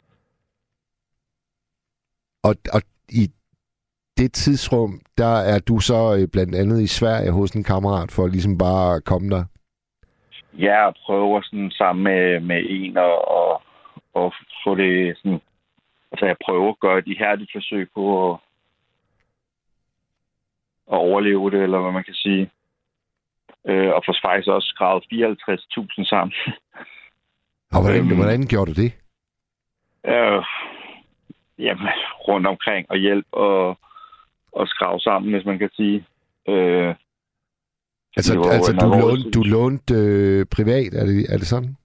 Ja, og havde, altså, ja, det var ikke, fordi jeg ikke havde nogen penge. Jeg havde 12.000 kontanter, jeg kunne liggende, ikke? Og solgt nogle ting, og hjem til Moody, og, øhm, og så, så, så tilbyder dem så at betale, fordi der var jo kommet flere terminer efterfølgende, så tilbyder simpelthen at betale de tre terminer, det så var, var noget op på, som der ikke var blevet betalt. For jeg havde jo ikke betalt yderligere, kan man sige, da hele det her show startede. Og så skrev jeg, at jeg ville give dem 5.000 ekstra. Øh, men der var den ene termin der fra juni råd op og lå på en pris på 82.000 nu. Så det var... altså, jeg, sidder- jeg sidder og bliver sådan helt mundlam, Jonas. Altså, det lyder, altså, det lyder simpelthen for benhårdt, synes jeg. Jamen, jeg var også i chok. Men det var simpelthen det, fordi det er jo, hvad de koster, de der advokater, når de går i krig med sådan nogle ting. Så hvis jeg skulle have det ud af verden, så havde det altså lige pludselig en 130-40.000, ikke? Fordi den ene der, den var på, ja, som sagt, 82.000, og så altså måske 115.000 ville jeg kunne slippe med, eller et eller andet. Og, og de der advokater, altså, hvad, hvad, hvilken rolle spiller de? Er det, er det en, du selv har øh, hyret, eller hvordan? Nej, nej, det er jo dem, der sidder og starter den der tvangsaktion der. Ja. Jeg ved ikke lige helt, men, men jeg, jeg kontakter dem og siger, at jeg har de her penge her, jeg vil gerne betale for de der tre, tre terminer, og, og vi tilbød dem 5.000 ekstra. Men det, som sagt, jeg fik pænt besked på, at den var på 82.000, den ene der nu. Kan du huske, kan du huske hvordan din postkasse den øh, tog sig ud, der da du vender tilbage fra Sverige efter en 3-4 måneder deroppe? Altså, jeg forestiller mig, at der var så mange breve i den, at der simpelthen ikke var plads. Jamen, det var jo heldigvis med brevspræk dengang, så... Så du træder ind i sådan et, et hav af, af, af rode kuverter. Ja, altså... Det, det, det er rent lige, men jeg kan bare huske, at jeg fik de der efterfølgende, og tænkte, jeg ved ikke, hvorfor skal jeg betale penge for, hvis den alligevel ryger? Ja. Det får jeg jo ikke noget ud af. Hvordan, øh, hvordan rejste du dig igen, Jonas? Jamen, det, det har været et langt forløb. Øh, man kan sige, at jeg har været sted, jeg har sagt, jamen, altså man kan faktisk sige, at en af kreditorerne gav mig det råd at lad være med at betale noget, fordi lige nu, der er de der pantebrev 0 kroner værd for dem. Så prøv at, at lave nogle, nogle forhandlinger og sådan noget. Og det var jeg så også gået i gang med. Øh, den, der stod for cirka 37 procent, 400 eller andet tusind på det tidspunkt, gik med til, at jeg kun skulle give 90.000 fordelt over fem år. Og så gik jeg til en lille kreditor, som i gåsøjne kun var 120.000, og tilbød dem sådan og sådan. Øh, og efter lidt frem og tilbage, de bad mit budget, så vendte de tilbage og sagde, at øh, de ville have alle pengene. For helvede, altså. Hvor jeg bare sådan, øh, ja, jamen, Mads, det der er så komisk i det, det er, fordi jeg i mit budget har skrevet, at jeg betalte min mor nogle penge tilbage, jeg havde lånt. Ja. Så sagde de, jamen når hun som kreditor får alle sine penge, så vil vi som kreditor også have alle vores penge. Ja. Hvor jeg så siger, man prøver to ting. For det første går jeg ikke ud og, og stifter gæld efter det her, med henblik på ikke at betale det tilbage. Altså. Det, det, det vil jo bare være rådent. For det andet så er det min mor. Ja. Jamen lige præcis for det, for det andet, og for det første, og for det fjerde, femte, sjette. Det er min mor for fanden. ja. Altså, det er jo lige meget, vi vil jo aldrig gå ud og låne nogle penge, i hverken i bank eller noget som helst efterfølgende, og så er med sådan, at der er ikke tænkt mig at betale tilbage. Altså. Øhm, og som jeg så også sagde til hende der, jeg snakkede med om det, hvor jeg siger, jamen, så lad os sige, at jeg vælger at betale jer. Hvad tror jeg så, den sidste kreditor, som står for cirka 50 procent af, af al min gæld, vil sige, de vil sige præcis det, du siger. Jamen, hvis de får alle deres penge, så vil vi også have alle vores penge. Ja. Ja. Så øh, ja, indtil videre, så har jeg bare smækket kassen i, og så håber jeg på et eller andet tidspunkt, de kommer til fornuft. Hvad, hvad, hvad bor du i i dag, Jonas? Jamen, jeg bor i en lejlighed, og får forhåbentlig snart et rækkehus. Okay. Så Og depressionen er, er har du vinket farvel til? Og... ja, jeg, jeg, jeg er på god. Jeg er på, på foden, eller på fødderne igen, som det hedder. Ja. Øhm, Hvad med, hvad med, Jamen- hvad med, hvad med din, din lyst til at eje noget? Er den gået fuldstændig fløjten efter det her øh, forløb? Nej, men altså, jeg, som, som jeg også sagde til hende, der den ene gang i fodretten, jamen altså, der er jo masser af måder at komme ud, jeg er på. Så hvad mener du med, så siger jeg bare ikke noget. Altså. Så jeg har jo ting, men det står bare ikke i mit navn. Nå, okay, det, det må du skulle lige forklare mig. Altså, jeg er en meget naiv bunderøv fra Nordjylland. Du har, du har, du ejer ting, men Ja, det gør jeg jo i princippet ikke, vel? Men, men ja, jeg betaler til det, hvis man kan sige det sådan. Og jeg har da også nogle penge stående, som så ikke er mine penge, hvis nu vil folk vælge at sige, bare ærgerligt. Men det har jeg. Men, men er, det, er det også for at undgå sådan noget, øh, hvad hedder det der gælds øh, hus, Er man kan havne? Nej, nej, jeg tænker på det der øh, RKI-registret. Er det ikke det, det hedder? Nå, men jamen, det, det har jeg. Du kan kun ryge RKI én gang for den samme gæld, kan man sige. Og i og med det er 12 år siden, jamen, så er jeg slettet derude af det. Jeg står ikke som dårlig betaler, altså. Jeg kan sagtens gå ud og låne penge. Og... Men, men, men så forstår jeg ikke, hvor, hvorfor er det så nødvendigt for dig at, at eje ting i andres navne? Altså, jamen, hvis... fordi at ellers så hiver jeg mig i fodretten og laver udlæg i det, og så tager de det fra mig. Nå, okay, fordi at du, du har stadigvæk en gæld, der, der Ja, ja, ja. står et eller andet sted. Ja, ja, den er jo på 1,4, tror jeg, sidst jeg kiggede. Altså. Altså million? Ja, ja. Ah, men Jonas, for helvede, mand. Jamen, men, altså, det positive er jo større den bliver, jo mindre sandsynligt er det, at jeg kan betale den, og i sidste ende, så kan jeg få noget gældssanering måske. Det, det, nu snakkede jeg med, med Bjarne om, at jeg lige havde sendt et brev til, til Skat i Saxkøbing i dag. Og øh, jeg sendte også et brev til Skat tilbage i april sidste år. Og det var faktisk øh, med, med ønsket og ambitionen om at få eftergivet noget af min gæld. Jeg bad ikke om at få gældssanering, men bare eftergivelse. Ja. Jeg, har, jeg har en skattegæld på, jeg tror den er på 250.000 cirka. Øhm, og så synes jeg bare, det er så tankevækkende, at det har de sgu ikke svaret på endnu. Altså, det er april sidste år. Det, nu da kan jeg ikke lige regne ud i hovedet, hvor mange måneder de så har haft til at, at tykke drøv på det. Men, men når det så handler om noget så, så mikroskopisk som befordringsgodtgørelse, så skal de nok være der, og så lige skrive, hov, hov, Mads, vi kan se, du bor op i Nordjylland, men du hævder, at du laver radio i København. Det kan sgu ikke være rigtigt. Vil du straks sende os bevismateriale? Altså, man bliver, man ja. bliver sgu lidt træt, Jonas. Synes du ikke det? Jo, men det gør man.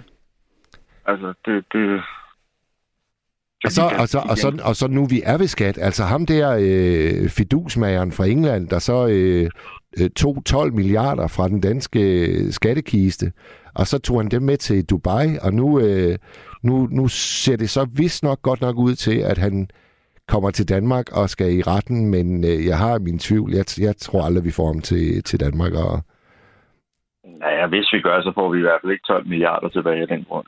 Sanjay Shah, det er det, han hedder. Ja. Det er også det er virkelig skurkenavn, der vil noget. Sanjay Shah. Ja. Det lyder godt. Ja. Jonas, hvordan, øh, hvordan kigger din øh, mor på hele det her forløb? Fordi hun har jo været indblandet. Øh, altså, jeg, jeg, jeg må ærligt indrømme, at jeg, jeg lever sgu et meget almindeligt liv nu. Jeg tænker ikke så meget over det. Det mest, mest når der kommer et brev en, en gang imellem. Ikke? Ja. Altså, jeg har sagt til dem, jeg egentlig havde lavet en aftale med, at jamen, jeg kommer ikke til at overholde min aftale, så længe jeg ikke har en aftale med det hele, for ellers giver det ikke nogen mening. Nej.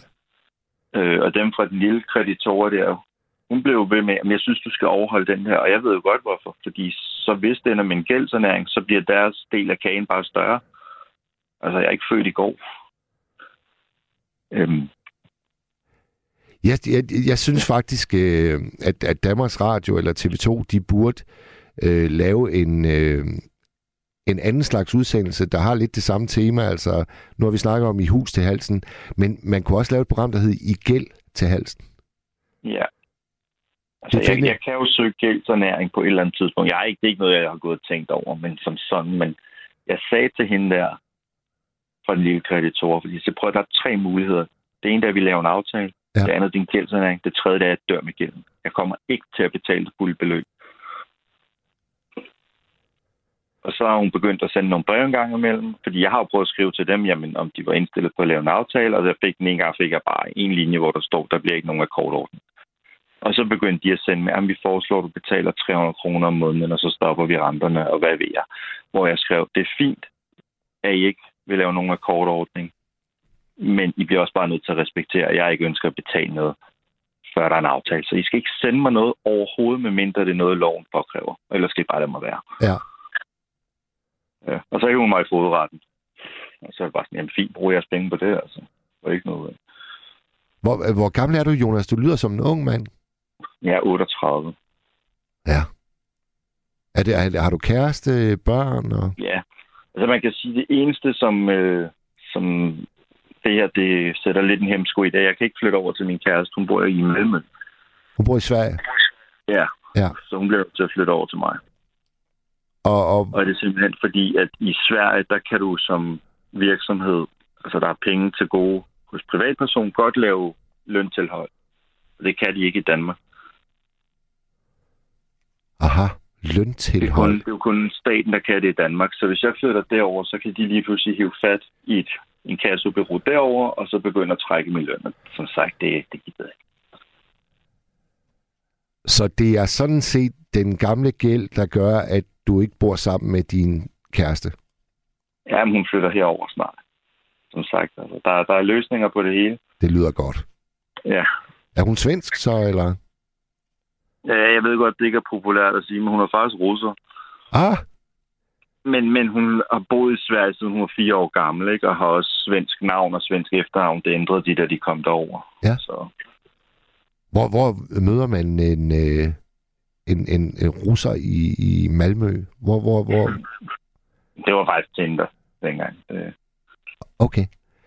Altså, øh, og du skal bare, hvis ikke du har lyst til at, at snakke om det her, Jonas, så er det helt fint, men jeg bliver bare nysgerrig, hvornår øh, i sådan et forløb med en ny kvinde fortæller man, at man faktisk går rundt med en gæld, der er over en million?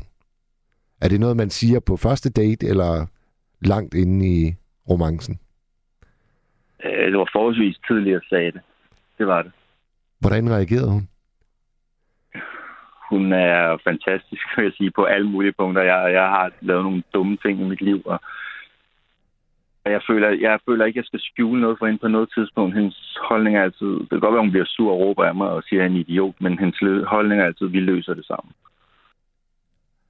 Øhm, og det er sgu meget rart.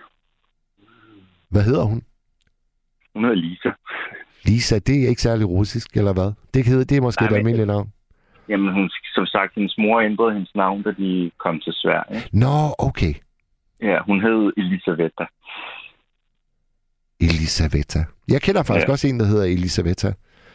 Med meget smukt navn, synes jeg. Ja, det er også lidt skurkeagtigt. ja, det kan godt være. Det kan godt være. Eller sådan lidt snimorderagtigt. Altså. Men det vil sige, du, øh, du er jo ved godt mod, Jonas, og det vil jeg skulle gerne tage hatten af, for jeg synes, det lyder som et drøjt, drøjt forløb, du har været igennem. Det var også hårdt. Ja. Det var undskyld mig, fandme ikke sjovt. Nej. Øh, og jeg er stadig bitter. Det vil jeg da godt indrømme. Det var også der, hvor jeg var faktisk, på, som sagt, havde lagt mig og ligger bare og lytter til nattevagt nogle gange, mens jeg sådan falder i søvn. Og så hører jeg det der, så tænker jeg, skal jeg bare ikke med det der. det skrev jeg. Ja.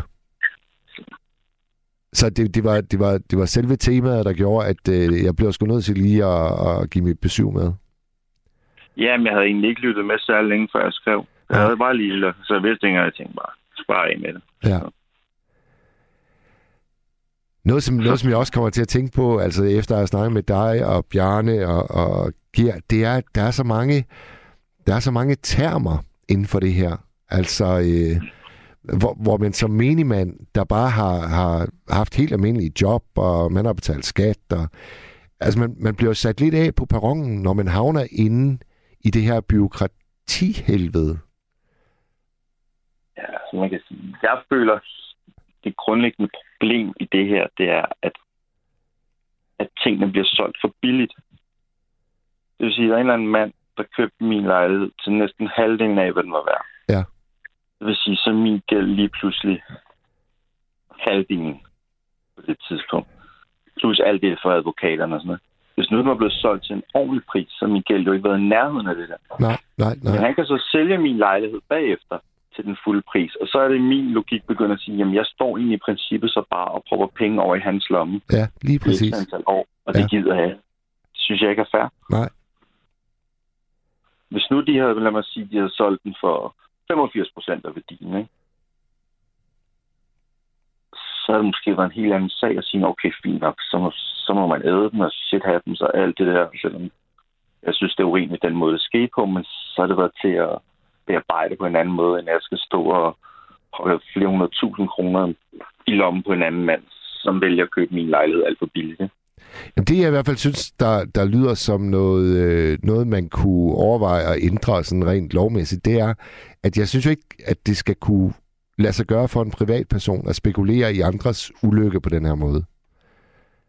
Som du selv Nej. lige beskrev, han køber en, øh, en lejlighed til nærmest det halve af værdien, så øh, bevæger han sig videre, og så øh, kort tid efter, så sælger han så lejligheden til det, den er værd, og så skummer han hele differencen. Ja, de, må vist først sælge den to år efter, de har købt den. Okay. Men stadig. Ja, man kommer til at tænke på Låsby Svendsen. Kan du huske ham? Uh, er det det der Matador? Nej, nej, nej, dog ikke. Men der var en, øh, en meget farverig figur, der hed Låsby Svendsen, som blev øh, ja, nærmest berømt og berygtet for at, at købe nogle virkelig, virkelig faldefærdige ejendomme. Og så, øh, så formåede han alligevel at, at tjene kassen på dem. Og du må sgu ikke spørge mig, hvordan det kunne lade sig gøre, men, men, men han, han var bare en krejler af, af de helt store. Og ja, Ja. jeg tror også nogen som, øh, som dig og mig, Jonas, vi er ikke, øh, vi er ikke krejlere. Nej, det skal i hvert fald være fair, kan man sige. Mm. Men du fik, ikke, du fik ikke rigtig svaret på, din mor er, altså er hun bitter og indebrændt, og synes, du er blevet fuldstændig lemlæstet af systemet, eller hvad, hvordan har hun taklet det hele? Det ved jeg ikke. det er sådan fint nok, altså det er jo, hvad det er, kan man sige. Det er ikke sådan noget, der, der bliver et tema hver eneste jul, og og vi skal lige runde det der, der skete dengang, og Slet ikke. nej, Sådan er hun ikke. det er jo altså, rart. den ligger der øre til, når jeg har brug for det en gang imellem, men, men ja, hun støtter mig vi bare, når jeg snakker med hende om det. Ja. Jonas, det har været en øh, stor øh, fornøjelse at tale med dig. I lige måde, Mads. Og god nat. Og hils øh, Elisaveta, øh, eller Lisa, som hun øh, også går under i Sverige. Det lover jeg at gøre. Det er godt. Tak for det, Hej Jonas. igen. Hej. Velkommen. Hej. Ja, vi kommer vidt omkring i det økonomiske univers med mange navne, hvor jeg sådan tænker, det synes jeg aldrig, jeg har hørt om før, det der. Øhm, og, og det går jo også igen, tænker jeg, i de der breve, man får fra myndighederne. Jeg kan virkelig godt forstå, at mange er på bar bund, fordi øh, ja, altså man havner jo bare i en urskov af ting, som man måske ikke lige øh, har hørt om før, eller styr på. Og, og så er det altså tankevækkende, at et chivekort med den forkerte måned på, kan udløse den lavine af, ja, af, af ting og sager, som Jonas lige har beskrevet. Vildt tankevækkende. I er på øh, Radio 4. Det er nattevagten. Vi sender direkte ind til klokken 2. Og øh, når jeg siger vi, så er det fordi, jeg er her sammen med Amanda. Og I kan stadigvæk nå at deltage. Nummeret hen til det er 72 30 44 44. 72 30 44 44. Og vi taler som, øh, som sagt om at sidde i øh, hus til halsen. Måske have oplevet tvangsauktioner. Måske øh, ja, simpelthen at have oplevet, at man lige pludselig går fra at være en helt almindelig velfungerende øh, filajs til at skylde øh, alt, hvad man ejer har, væk. Til nogle lidt øh, fremmede kanter, som man tænker, hov, hvor, hvor, hvordan skete det? Og øh, det er simpelthen en anden time. Nu skal vi høre øh, endnu en dansk sanger. Jeg kan meget, meget godt lide Peter Sommer. Ham hører vi nu.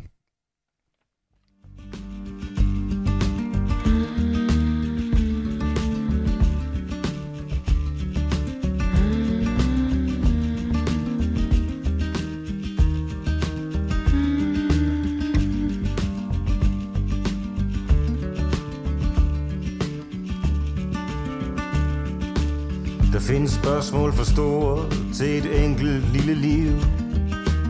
Måske var livet for langt til at skulle være åh så intensivt. Du sagde ja, jeg sagde ja med årtiers mellemrum. Elendig timing. Men der er altid et men. For jeg tror, vi kan nå det. Jeg tror, jeg ved det bare. Er det da ikke sådan, det er der, hvor de elskende og naive kommer fra? Man tager, hvad man får. Man savner i går. Man kunne gøre det hele igen. Men der er altid et men. Måske var han verdens værste mand for dig.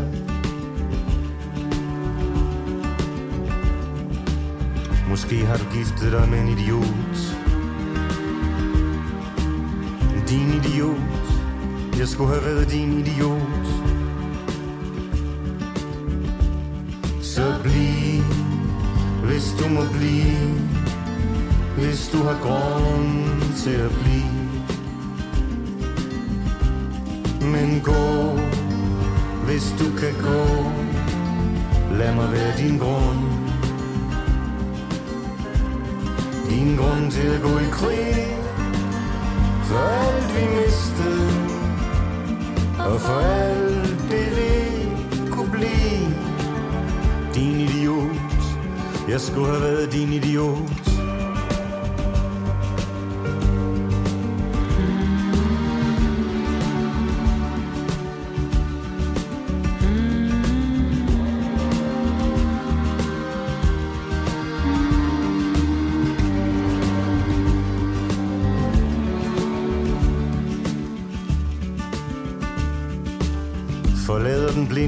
Vinkel Her har du mig tilbage.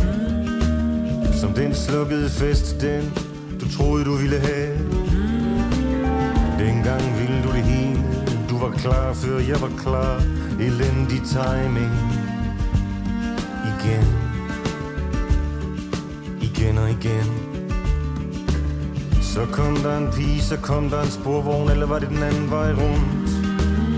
Sikke et tåbeligt stunt med et alt, alt for højt balancepunkt.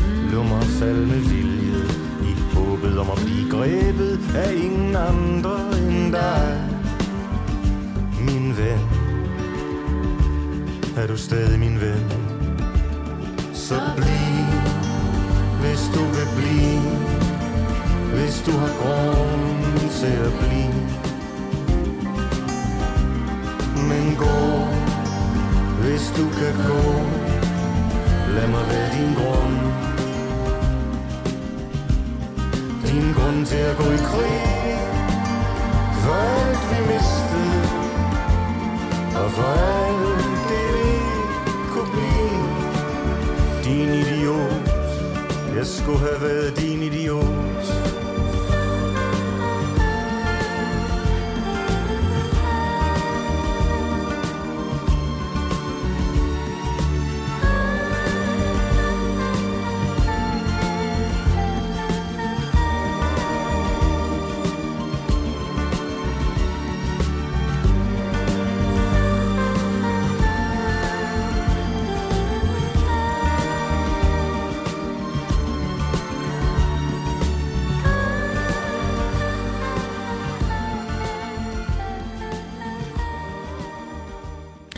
Ja, tak til Peter Sommer. Og så vil jeg sige velkommen til Michael. Ja, god, godnat, eller hvad man siger. Ja, godnat Michael. Hvad har fået dig til at øh, ringe ind? Jamen, øh, ja, jeg skrev jo egentlig bare ind, men, øh, men så ringede I. Øh, Nå, og, det, nu øh, forstår jeg, det er fordi, du kom med en, øh, en kritisk øh, sms, og så sagde jeg til Amanda, vi, vi, vi vil gerne tale med Michael der. Ja, ja. Øh, og og øh, jamen, det er egentlig fordi, jeg, jeg synes... Øh, nu nu hør, har jeg ikke hørt hele udsendelsen i aften her, øh, men, men hørt øh, det meste af den sidste indringer. Ja.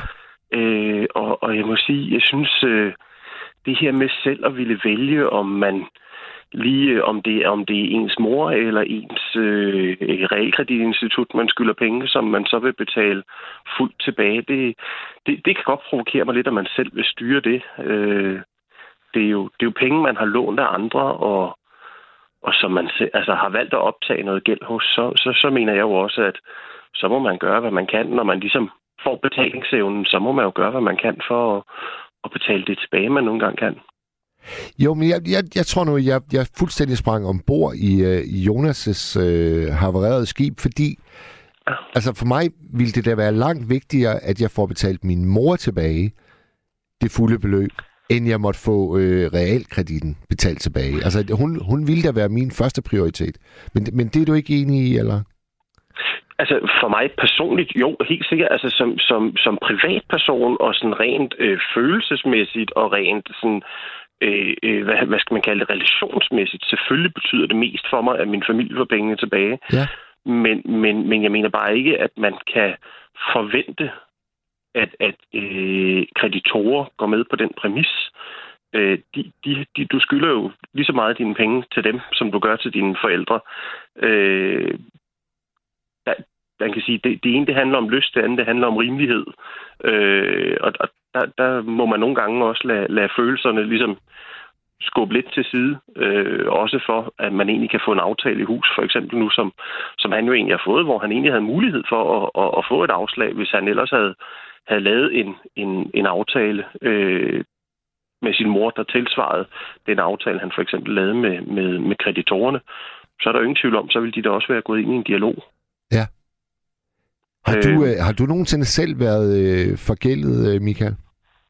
Øh, Jeg er vokset op med frygtelig forgældede forældre, øh, som, som, øh, som, som gik på tvangsaktion med et hus, øh, da, da jeg var ni måneder. Øh, og, og har egentlig, altså de har, de har levet med, altså begge to været, været arbejdsløse det meste af, det, jeg kan huske, og min mor, været på, eller, min mor var på førtidspension det meste af min opvækst, og min far var, var ledig meget af tiden. Øh, og, og min mor, hun, hun, ja, hun tog gælden med sig i graven, og, og min far, han, øh, han, han fik så en gældssanering, da han kom på efterløn, fordi så kunne de ligesom ikke se nogen positiv, øh, hvad kan man sige, øh, udvikling i hans økonomi. Altså, så var der ikke nogen mulighed for, at han begyndte at tjene mere. Nej. Så kunne det ligesom kun gå nedad derfra, og så så de, at, at der var en mulighed for en gældssanering, ikke? og den, den gennemførte han jo så og, og betalte det af, som der var i aftalen. Øhm, Kunne, øh, kunne, Michael, kunne, kunne den gæld, lad os nu sige, at han ikke havde fået gældssanering, kunne den gæld så være skubbet videre til dig egentlig? Nej, du kan ikke, øh, du kan aldrig arve, øh, arve gæld, øh, hvad hedder det, på den måde. Øh, så skal det være fordi, at du vælger at, altså, afgælden arve gælden i forhold til, så skal du selv vælge at arve, arve hvad hedder det, at arve gælden i forhold til, øh, hvad der ellers er af værdier i, i boet, ikke? Øh, men eftersom han ikke rigtig øh, ejede noget øh, af, af værdi, det store værdi, så vil selv hvis han havde haft gælden med sig, så, så vil der ikke være nogen, øh, nogen, nogen risiko for, at, at, hvad kan man sige, jeg ville have overtaget den, så ville de jo bare have gjort udlæg i boet, ja. og så, så havde de taget det, der var af, af rester, kan man sige. Ikke? Men det, det, Øh, det, han- det, det er sjovt, Michael, fordi øh, min, øh, min far, han krakkede, da da jeg var øh, ni år gammel. Og der mistede vi simpelthen alt, hvad vi, hvad vi ejede havde. Og øh, den gæld, det så afstedkom, den slæbte han simpelthen øh, rundt på resten af sine dage. Og øh, jeg tror også, at i et tidligere program i Nattevagten, hvor det simpelthen bare handlede om at være falit, der tror jeg, jeg fortalte, at, at en gang om året, så fik min far besøg af skat. Og så øh, var jeg med til et, et af de der øh, kaffemøder. Og så kan jeg huske, at hun, øh, hun stillede ham spørgsmålet, Nå Bent, min fars navn, Bent, har du øh, erhvervet dig nogle ting, vi kan gøre pant i det seneste ja. år? Og jeg, jeg synes, altså jeg, jeg synes virkelig, det var, altså, jeg synes, det var ret barsk på en eller anden måde. Altså, altså der sad han jo som en, en mand på, på 60 år, ikke? Og, og, og blev lidt behandlet som, som en dreng, der, der måske havde købt en, en, en knallert, som han ved Gud ikke måtte. Altså, forstår du? Ja, ja, fuldstændig. Altså, ja, han, altså, der var jo i princippet sat under administration på en eller anden måde, kan man sige, når det er det offentlige, man skylder. Ikke? Ja.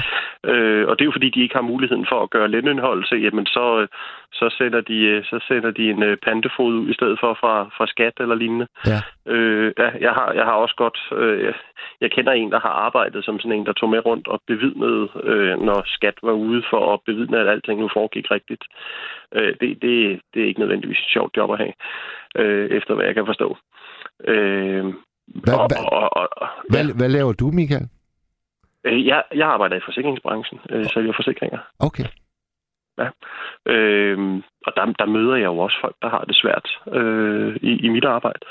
Øh, og gør, hvad jeg kan for at hjælpe dem med en, med en løsning, som, som, som de kan, kan leve med. For altså, man kan sige, selvom at du selvom at du har haft økonomiske udfordringer, jamen, så synes jeg jo ikke, du skal udelukkes fra for eksempel at kunne, kunne lave en indboforsikring eller sådan de mere basale behov, som, som, som beskytter dig øh, i forhold til, hvad, hvad du nu har af, af, hvad kan man sige, af, af behov i dagligdagen, altså en personlig ansvarsforsikring, hvis man kommer til at gøre skade på andre eller lignende. det, det synes jeg da er vigtigt, at, at, at folk har, også selvom at de har stiftet gæld. Men det er der jo også forsikringsselskaber, der simpelthen bare siger, nej, det vil vi ikke have noget med at gøre, når folk skylder penge eller er registreret i. Nej. Øhm, det, det synes jeg jo også er barskt. Øh, det, det synes jeg måske er at gå lige en, en tand længere, end, end hvad godt er. Ja.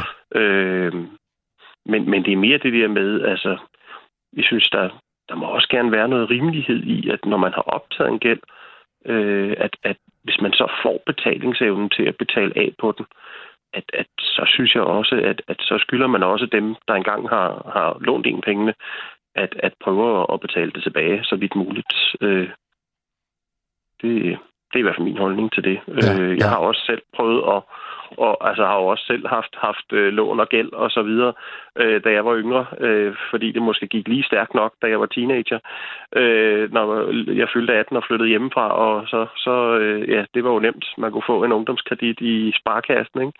Øh, og det gik lidt stærkt med, med lån til højtalere og til, øh, til et kørekort. Ja.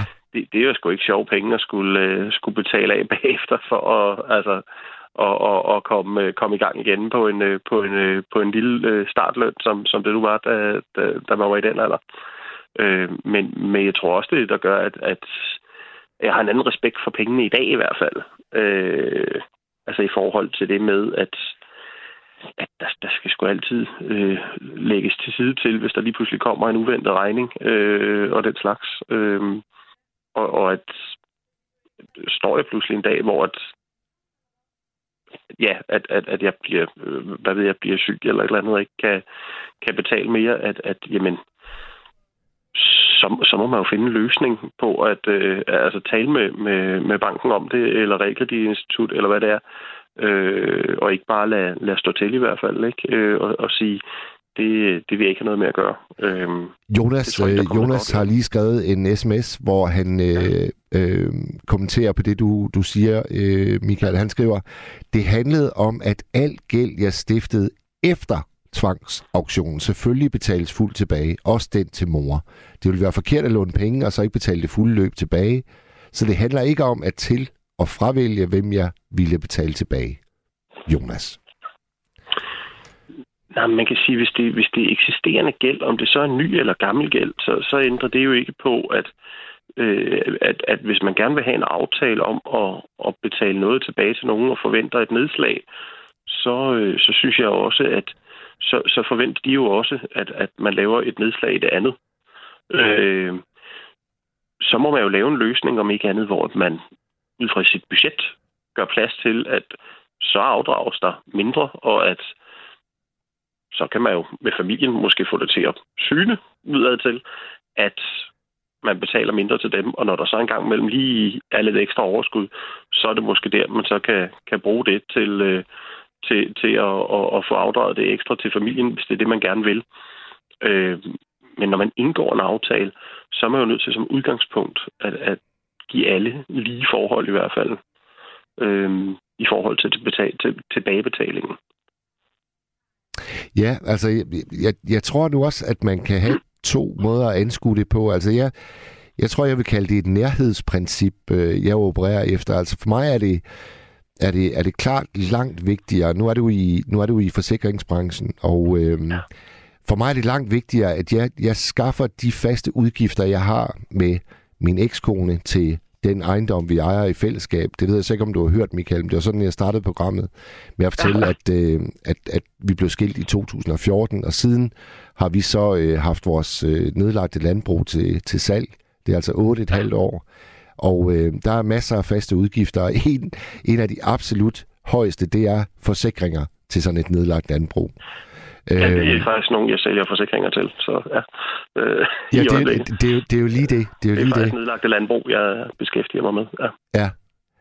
Øhm, og, og, og der må jeg bare sige, der, der er mine prioriteringer fuldstændig... Øh, øh, altså, det, det, der, der vil slet ikke være... En, hvis, hvis, jeg, hvis, hvis der skal betales 5.000 for, at mine unger og min ekskone, de øh, kan have en, en nogenlunde levestandard den næste måned, ja. og jeg samtidig skylder 5.000 i forsikringer, så, ja. så ville jeg jo ikke være i tvivl om, øh, hvor, hvor, hvor de 5.000 de skulle gå, hvis det var det eneste, jeg ligesom kunne, kunne rejse.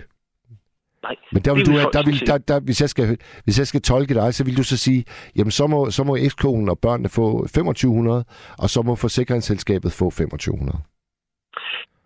Ikke hvis vi taler, øh, altså hvis vi taler penge, som er en del af dit, hvad kan man sige, aktive budget. Øh, det jeg taler om, det er når vi taler gæld. Altså noget, noget som øh, er, øh, hvad hedder det, øh, som ikke bliver, bliver øh, betalt, som det skulle. Altså noget, som ligger til inddrivelse. Ah, en misligeholdelse. Ja. En misligeholdt gæld, ja, undskyld. Yes, en misligeholdt gæld. Det er, når vi taler misligeholdt gæld, altså noget, hvor, at, øh, som, som, som øh, jeg forstod på det andet i hvert fald, at det, der var tale om med, med, øh, med hvad hedder det, med, med realkredit og så videre, det forstod jeg i hvert fald. Det kan godt være, at jeg så i så fald har misforstået det måske, men på Jonas, at det var en misligeholdt gæld, der var tale om der. Det var derfor, den havner i fodretten, og man laver betalingsaftaler. Det er jo typisk, når gælden er misligeholdt. Ja. Men, men, men det budget, der er i gang, det er klart, det vil jo altid have første prioritet, altså de løbende udgifter, man har. Ja. Fordi det er det, der gør, at du har tag over hovedet, og at det hele kan løbe rundt. Øh, og at man ikke stifter mere misligeholdt gæld. Så det, det kommer selvfølgelig altid før det med at øh, afdrage, afvikle øh, øh, hvad hedder det, øh, forfalden gæld, som, som ligger og er misligeholdt. Det er klart. Michael, nu foretager jeg et kæmpe spring i vores snak, øh, ja, ja. fordi jeg bliver nysgerrig på, hvordan, hvordan havner sådan en, øh, en veltalende mand som dig i forsikringsbranchen? Og nok, nok øh, øh, det, det ærlige svar, det var nok, fordi det var det nemmeste i sin tid. Øh, hvad hedder det, øh, da jeg gik i folkeskole og, og gymnasiet, har jeg nok altid været sådan en, der havde lidt nemt ved det, og så, så, blev jeg nemt sådan, så, så bliver man nemt sådan en, der lige, du ved, springer over, hvor gaden er lavest. Øh, og og øh, ja, det blev jeg i hvert fald. Øh, og, og så sad jeg i, i, i et job i et forsikringsselskab som mødebooker, øh, da jeg var gy- gymnasiestuderende. Og så, øh, ja, så da jeg var færdig, der vidste jeg ikke rigtig, hvad jeg skulle, og så hoppede jeg ind i forsikringsbranchen. Øh, altså fortsat der med at fik uddannelse internt, øh, og, og sådan, fordi det, ja, det virker jo meget lige til. Ja. Øh, og har også forsøgt mig et par gange med noget videregående uddannelse, men det har jeg simpelthen ikke selv disciplinen til, at øh, alle de timers læsning. Øh, det, det må jeg være ærlig at sige. Der er jeg altså bedre til at stå op, øh, udføre mit arbejde, og så have fri, når jeg har fri. Ja. Øh, så, så det er egentlig sådan, jeg i sin tid havnede i det, og nu har jeg da været i det i hvad, hvad 12-14 år eller sådan noget, må det vel efterhånden være. Ja. Ja. Og er lønnen, er lønnen god øh, sådan et sted? Øh, det, det, altså jeg vil sige, nu, nu, øh, nu er jeg lige skiftet job øh, fra et til et andet, og, og man kan sige, ja, altså jeg har jo altid sagt, jeg synes, at grundlæggende, så, så synes jeg jo i forhold til, hvad den kræver af uddannelse at komme ind i branchen, så har jeg jo altid haft lidt den holdning, at, at det er lidt en overbetalt branche. Øh, altså du kan sige, hvis du kommer ind med, med en helt almindelig gymnasiebaggrund, eller du står et par år i butik inden, så starter de fleste jo på, på lige knap 30.000, ikke? Ja, det er sgu Øh, ikke tosset. ind.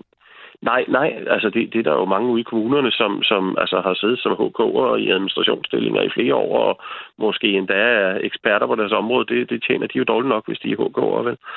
Øh, så, så, så, så det er det, som jeg siger, i forhold til mange andre brancher, der er det jo ikke dårligt betalt. Øh, og, og, og har, du, har du så lidt erfaring og har taget noget intern uddannelse, jamen, så, så kommer du meget nemt op omkring de der sådan en 5-36.000 i grundløn øh, på sådan helt, altså sådan helt almindelig overenskomstmæssig vej. Ikke?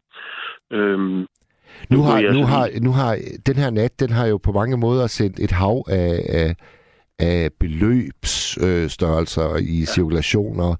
Og, og måske er det ikke tilfældigt, at det er fire mænd, jeg har haft igennem. Altså økonomi, det, det forbinder jeg med mænd. Hvordan er det i forsikringsbranchen? Er I, er I nogenlunde ligeligt fordelt, altså 50-50 sådan kønsmæssigt? Ja, det er vi, men, men forskellige steder i huset, havde jeg nær sagt.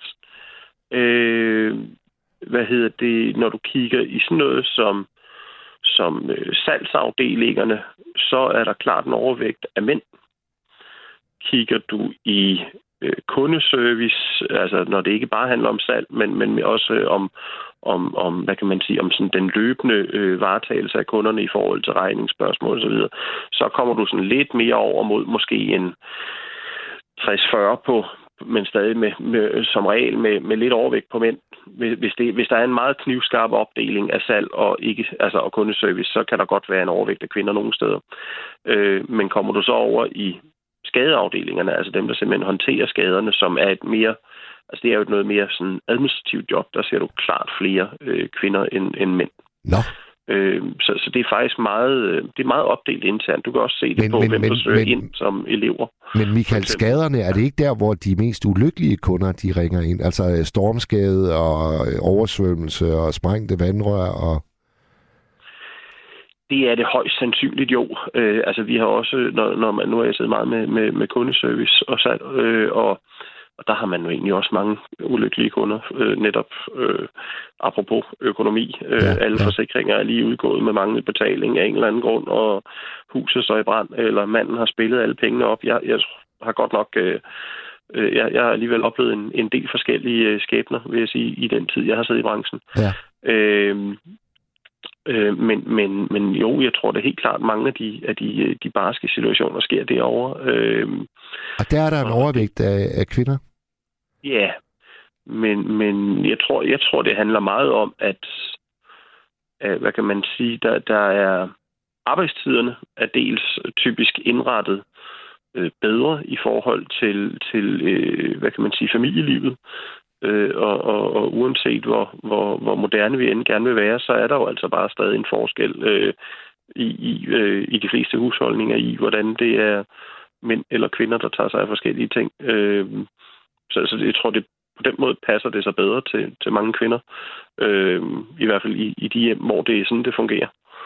Øhm, og, og, og så er der da helt klart også, jeg tror, der, der er mange kvinder, der er bedre til at udvise empati og, og omsorg øh, i en skadesituation, end, end hvad mænd måske er. Ja. Øh, det, det tror jeg heller ikke, man skal gemme, øh, eller man skal, skal lukke øjnene for. Og så at mænd er måske, altså når nu vi taler, altså netop fordi det er salget, der er mange mænd i, at, at det handler jo også nok om, at, at, at mænd har måske færre skrubler, eller hvad man skal sige, med at, at skubbe lidt ekstra på, eller hvad man skal sige, når der skal noget ud over disken.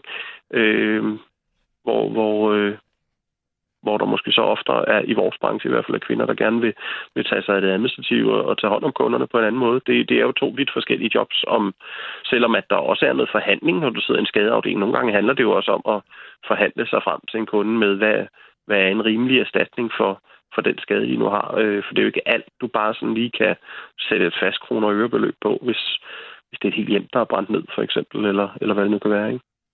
Der er en, øh, en lidt flabet øh, sms her, hvor der bare står, øh, eller også er kvinder bare bedre til at betale deres regninger, så de ikke ender med en tvangsaktion, ligesom mændene. Det kan, det kan der sagtens, det kan der sikkert Nå, altså, ved du hvad, ja, det, det må jeg da også bare sige. Altså, der, der er ingen tvivl om, at, at da, da, da mine forældre, de, øh, de, de havnede i, i, en, i en tvangsaktion, der, øh, altså, der var der, der, der var det da klart min, øh, min, øh, altså min, min mor, der havde både før og efter, havde bedst styr på sin økonomi. Øh, min, min far havde aldrig haft styr på økonomi. Han var manden, der gik ned i banken og sagde, jeg vil gerne hæve 3.000 kroner, og og hvis så de sagde, det har du ikke, så sagde han, nå, nå, og så gik han igen. Og, og så prøvede han igen ugen efter, ikke? Øh, han havde ingen økonomisk sans. Det var noget, min mor, hun sådan styrede med hård hånd i den periode, de var sammen. Øh, men da så de gik fra hinanden og, og, og ligesom ikke skulle, øh, skulle have det her hus sammen mere, så, øh, så var der ikke plads til, at de hver især kunne have, øh, kunne have to huslejer, vel? Øhm, Jamen, jeg kan, så, jeg kan så sige, altså jeg, jeg har ligesom ikke taget ved lære af, af min fars øh, krak der i tidernes morgen. Altså i det øh, vidunderlige parforhold, jeg er i i dag, der er det også klart min kæreste, der har styr på økonomien. Altså fuldstændig. Ja. Og det mener du ikke, det, det er ikke så usædvanligt? Det tror jeg ikke nødvendigvis, det er. Altså, jeg har også set det nu øh, sådan, i min opvækst. Altså, når min mor har haft en, øh, altså, har haft, øh, øh, hun har været gift efterfølgende også, og, sådan, og, og og der kunne jeg jo også se, at jamen, altså, øh, hvor, at, hvor at, altså, der opdagede hun da også lige pludselig, at om, så havde manden et eller andet kontokort, han havde oprettet, fordi ja, han ville overraske hende med et eller andet, men, men han havde lige glemt at fortælle, at det altså var for lånte penge, som de jo så begge to hæftede for, fordi at, at det var ligesom noget lån, der var optaget, mens de var sammen. Ikke? Ja. Øh, hvad hedder det? Men, men, øh, og, og, og så satte hun en, strang, en, en, en stram øh, ramme for, hvordan det så skulle betales ud, så der, fordi gæld, det, det, det ville hun meget nødigt have. Ikke? Øh, hvad hedder det? Så, så jo, det tror jeg helt bestemt. Der er noget, noget, der tror jeg ofte, at der er kvinder, der har mere styring med det, end, end mænd har. Selvom at mændene jo gerne vil udadtil øh, se ud som om, at det er dem, der har styr på det. Øh, for det, det oplever jeg jo også i min branche, at det, det, altså, hvis det er folk i forhold, så tror jeg, det er, så er det jo nok to tredjedel af tilfældene, at det er jo nok manden, der står for det med forsikringerne. Øh, og det burde det måske ikke altid være. øh, også fordi så, så er det pludselig væsentligt vigtigere, hvor godt bilen er dækket ind, end hvor godt børnene er dækket ind. Og det, ja, øh, så, så det er jo også, det er jo, som jeg plejer at sige til mine kunder der, når, når de er sådan lidt i tvivl om, om de skal have en god dækning til deres børn, så siger jeg altid, hvad, hvad, hvad, hvad tror du, din, hvad, hvad synes du er fedest? Øh, er det at komme hjem til, til konen og sige, øh, øh, synes du, vi skal dække vores børn ind med det og det? Eller synes du, det er federe at komme hjem og sige, må du være skat? Jeg har sørget for, at vores børn er rigtig godt dækket. Øh, det, det, der, der tror jeg altså, man scorer flest øh, pluspoint på det sidste. Øh, frem for at fortælle, at det, oh, nu dækker bilforsikringen altså også, hvis vi pådyrer et eller andet øh, øh, dyr ude i skoven. Ja. Ja. Hvad, hvad, Michael, hvad, hvad sådan, øh, du, du, du var inde på tidligere, at øh, du har hørt nogle ulykkelige historier. Altså, du, du nævnte for eksempel, at der, der kunne være en, en mand, der havde spillet øh, alt op, og så er, det konen, ja. så er det konen, der er i røret. Jamen, altså, jeg, jeg har engang fået en frygtelig historie om en, hvor at det var altid manden, der kom først hjem, og så, så, så hun, det var altid ham, der tømte postkassen, og så en dag var det tilfældigvis hende, der var hjemme først, og så fandt hun jo ud af, at den, den flød simpelthen med rudkuverter fra diverse kviklånsfirmaer, og at alt var i, i, i flammer i økonomien. Ja. Øh, og det viste sig jo så, at han åbenbart var ludoman. Øh, og, og, og egentlig så stod de jo til, at, at det sted, jeg var på daværende tidspunkt, ikke kunne tilbyde nye forsikringer til dem, men, men, men, men, men jeg talte min sag for hende øh, til, til mit, mit bagland, og, og vi endte med at finde en fin løsning, hvor det hele kørte i hendes navn, og med hende, der administrerede det, og, og så fik vi det egentlig op at køre, og, og i al den tid, jeg var der og, og havde dialog med hende, der, der kørte alt fuldstændig, som det skulle, så, øh, mens at det var hende, der administrerede det. Øh, så, men, men, men det er jo det der, der nogle gange er, er farligt, hvis, hvis man hvis man er, er et par, og, og, og, og der ligesom er, hvad kan man sige, man 100% udliciterer en opgave ja. til den anden part, og, og man så ellers vender det blinde øje til i, i til, altså, det er, jo, det, er, det er jo positivt, for det er jo i tillid til, at den anden gør noget, uh, gør det rigtigt. Men, men, men jeg tror sådan noget som økonomi, det tror jeg også bare er vigtigt, at man er, er åben og taler om sammen, ikke? fordi ellers så er det, at man kan risikere at havne i sådan nogle situationer der. Øhm, det, er jo det, og det, det synes jeg er frygteligt. Øh, og det er jo også derfor, at altså, selv, selvom at, at vi sidder og skal have vores penge ind og så videre, så, øh, så gør vi jo altså, hvad vi kan for at, at hjælpe folk øh, videre derfra, ikke? Øh, i det tempo, der nu, øh, der nu kan, kan passe for dem. Ja. Ja. Men nu har, nu har vi jo haft den her øh, slagside i nat. Altså først havde vi Gert, ja. og så Bjarne, og så Jonas, og nu dig, Michael, øh, igennem. Og derfor har jeg besluttet allerede nu, at øh, temaet i nattevagten i morgen, hvor jeg også øh, er vært, der vil vi snakke om svigermødre. Det synes jeg lyder som en fremragende idé. Vi bringer simpelthen øh, kvinderne helt frem øh, i morgen. Ja. Har du en svigermor, Michael? Det har jeg ikke, og jeg har faktisk aldrig haft det i mit liv. Så øh, hvad hedder det? Øh, Hvordan altså, undgår, det, man, hvordan undgår man at have en svigermor på et eller andet tidspunkt? Ja, ja det kræver jo, at øh, det kræver jo, at man løber, møder, løber ind i en kvinde øh, for at få sådan en svigermor. Så, øh, og, og det, det, det har jeg ikke lige gjort på, på sådan det, det, det faste plan, eller hvad man skal sige. Det er sådan øh, forpligtende plan, har jeg ikke været så heldig lige at løbe ind i det endnu. Jeg, jeg, jeg, må jeg spørge, hvor gammel du er, Mika? Ja, jeg er 34. Nå, okay, det er alligevel øh, usædvanligt, skulle jeg mene, at øh, du endnu ikke har haft en, øh, en svigermor. Altså, jeg på det tidspunkt, der ville jeg da nok have haft en, ja, faktisk en, en 3-4 stykker, vil jeg tro. Ja, ja det, det, det, det tænker jeg også er ret normalt at, vi- at have haft det i, i den alder. Og hvad med, hvad med sådan en ungdomskæreste? Har du heller ikke haft det? Jo, altså, sådan, du ved, sådan noget 3-4 ugers varighed, da man var teenager, ikke? det har jeg da haft. Øh, men, men, men det er jo ikke, hvad jeg sådan tolker som en, en svigermor, eller hvad man skal sige. Nej, nej, okay. Nej, øh, så, men, men ja, der har, jeg, det, der har jeg ikke været så heldig på, på den front endnu. Men, øh, men det kommer jo nok på et eller andet tidspunkt.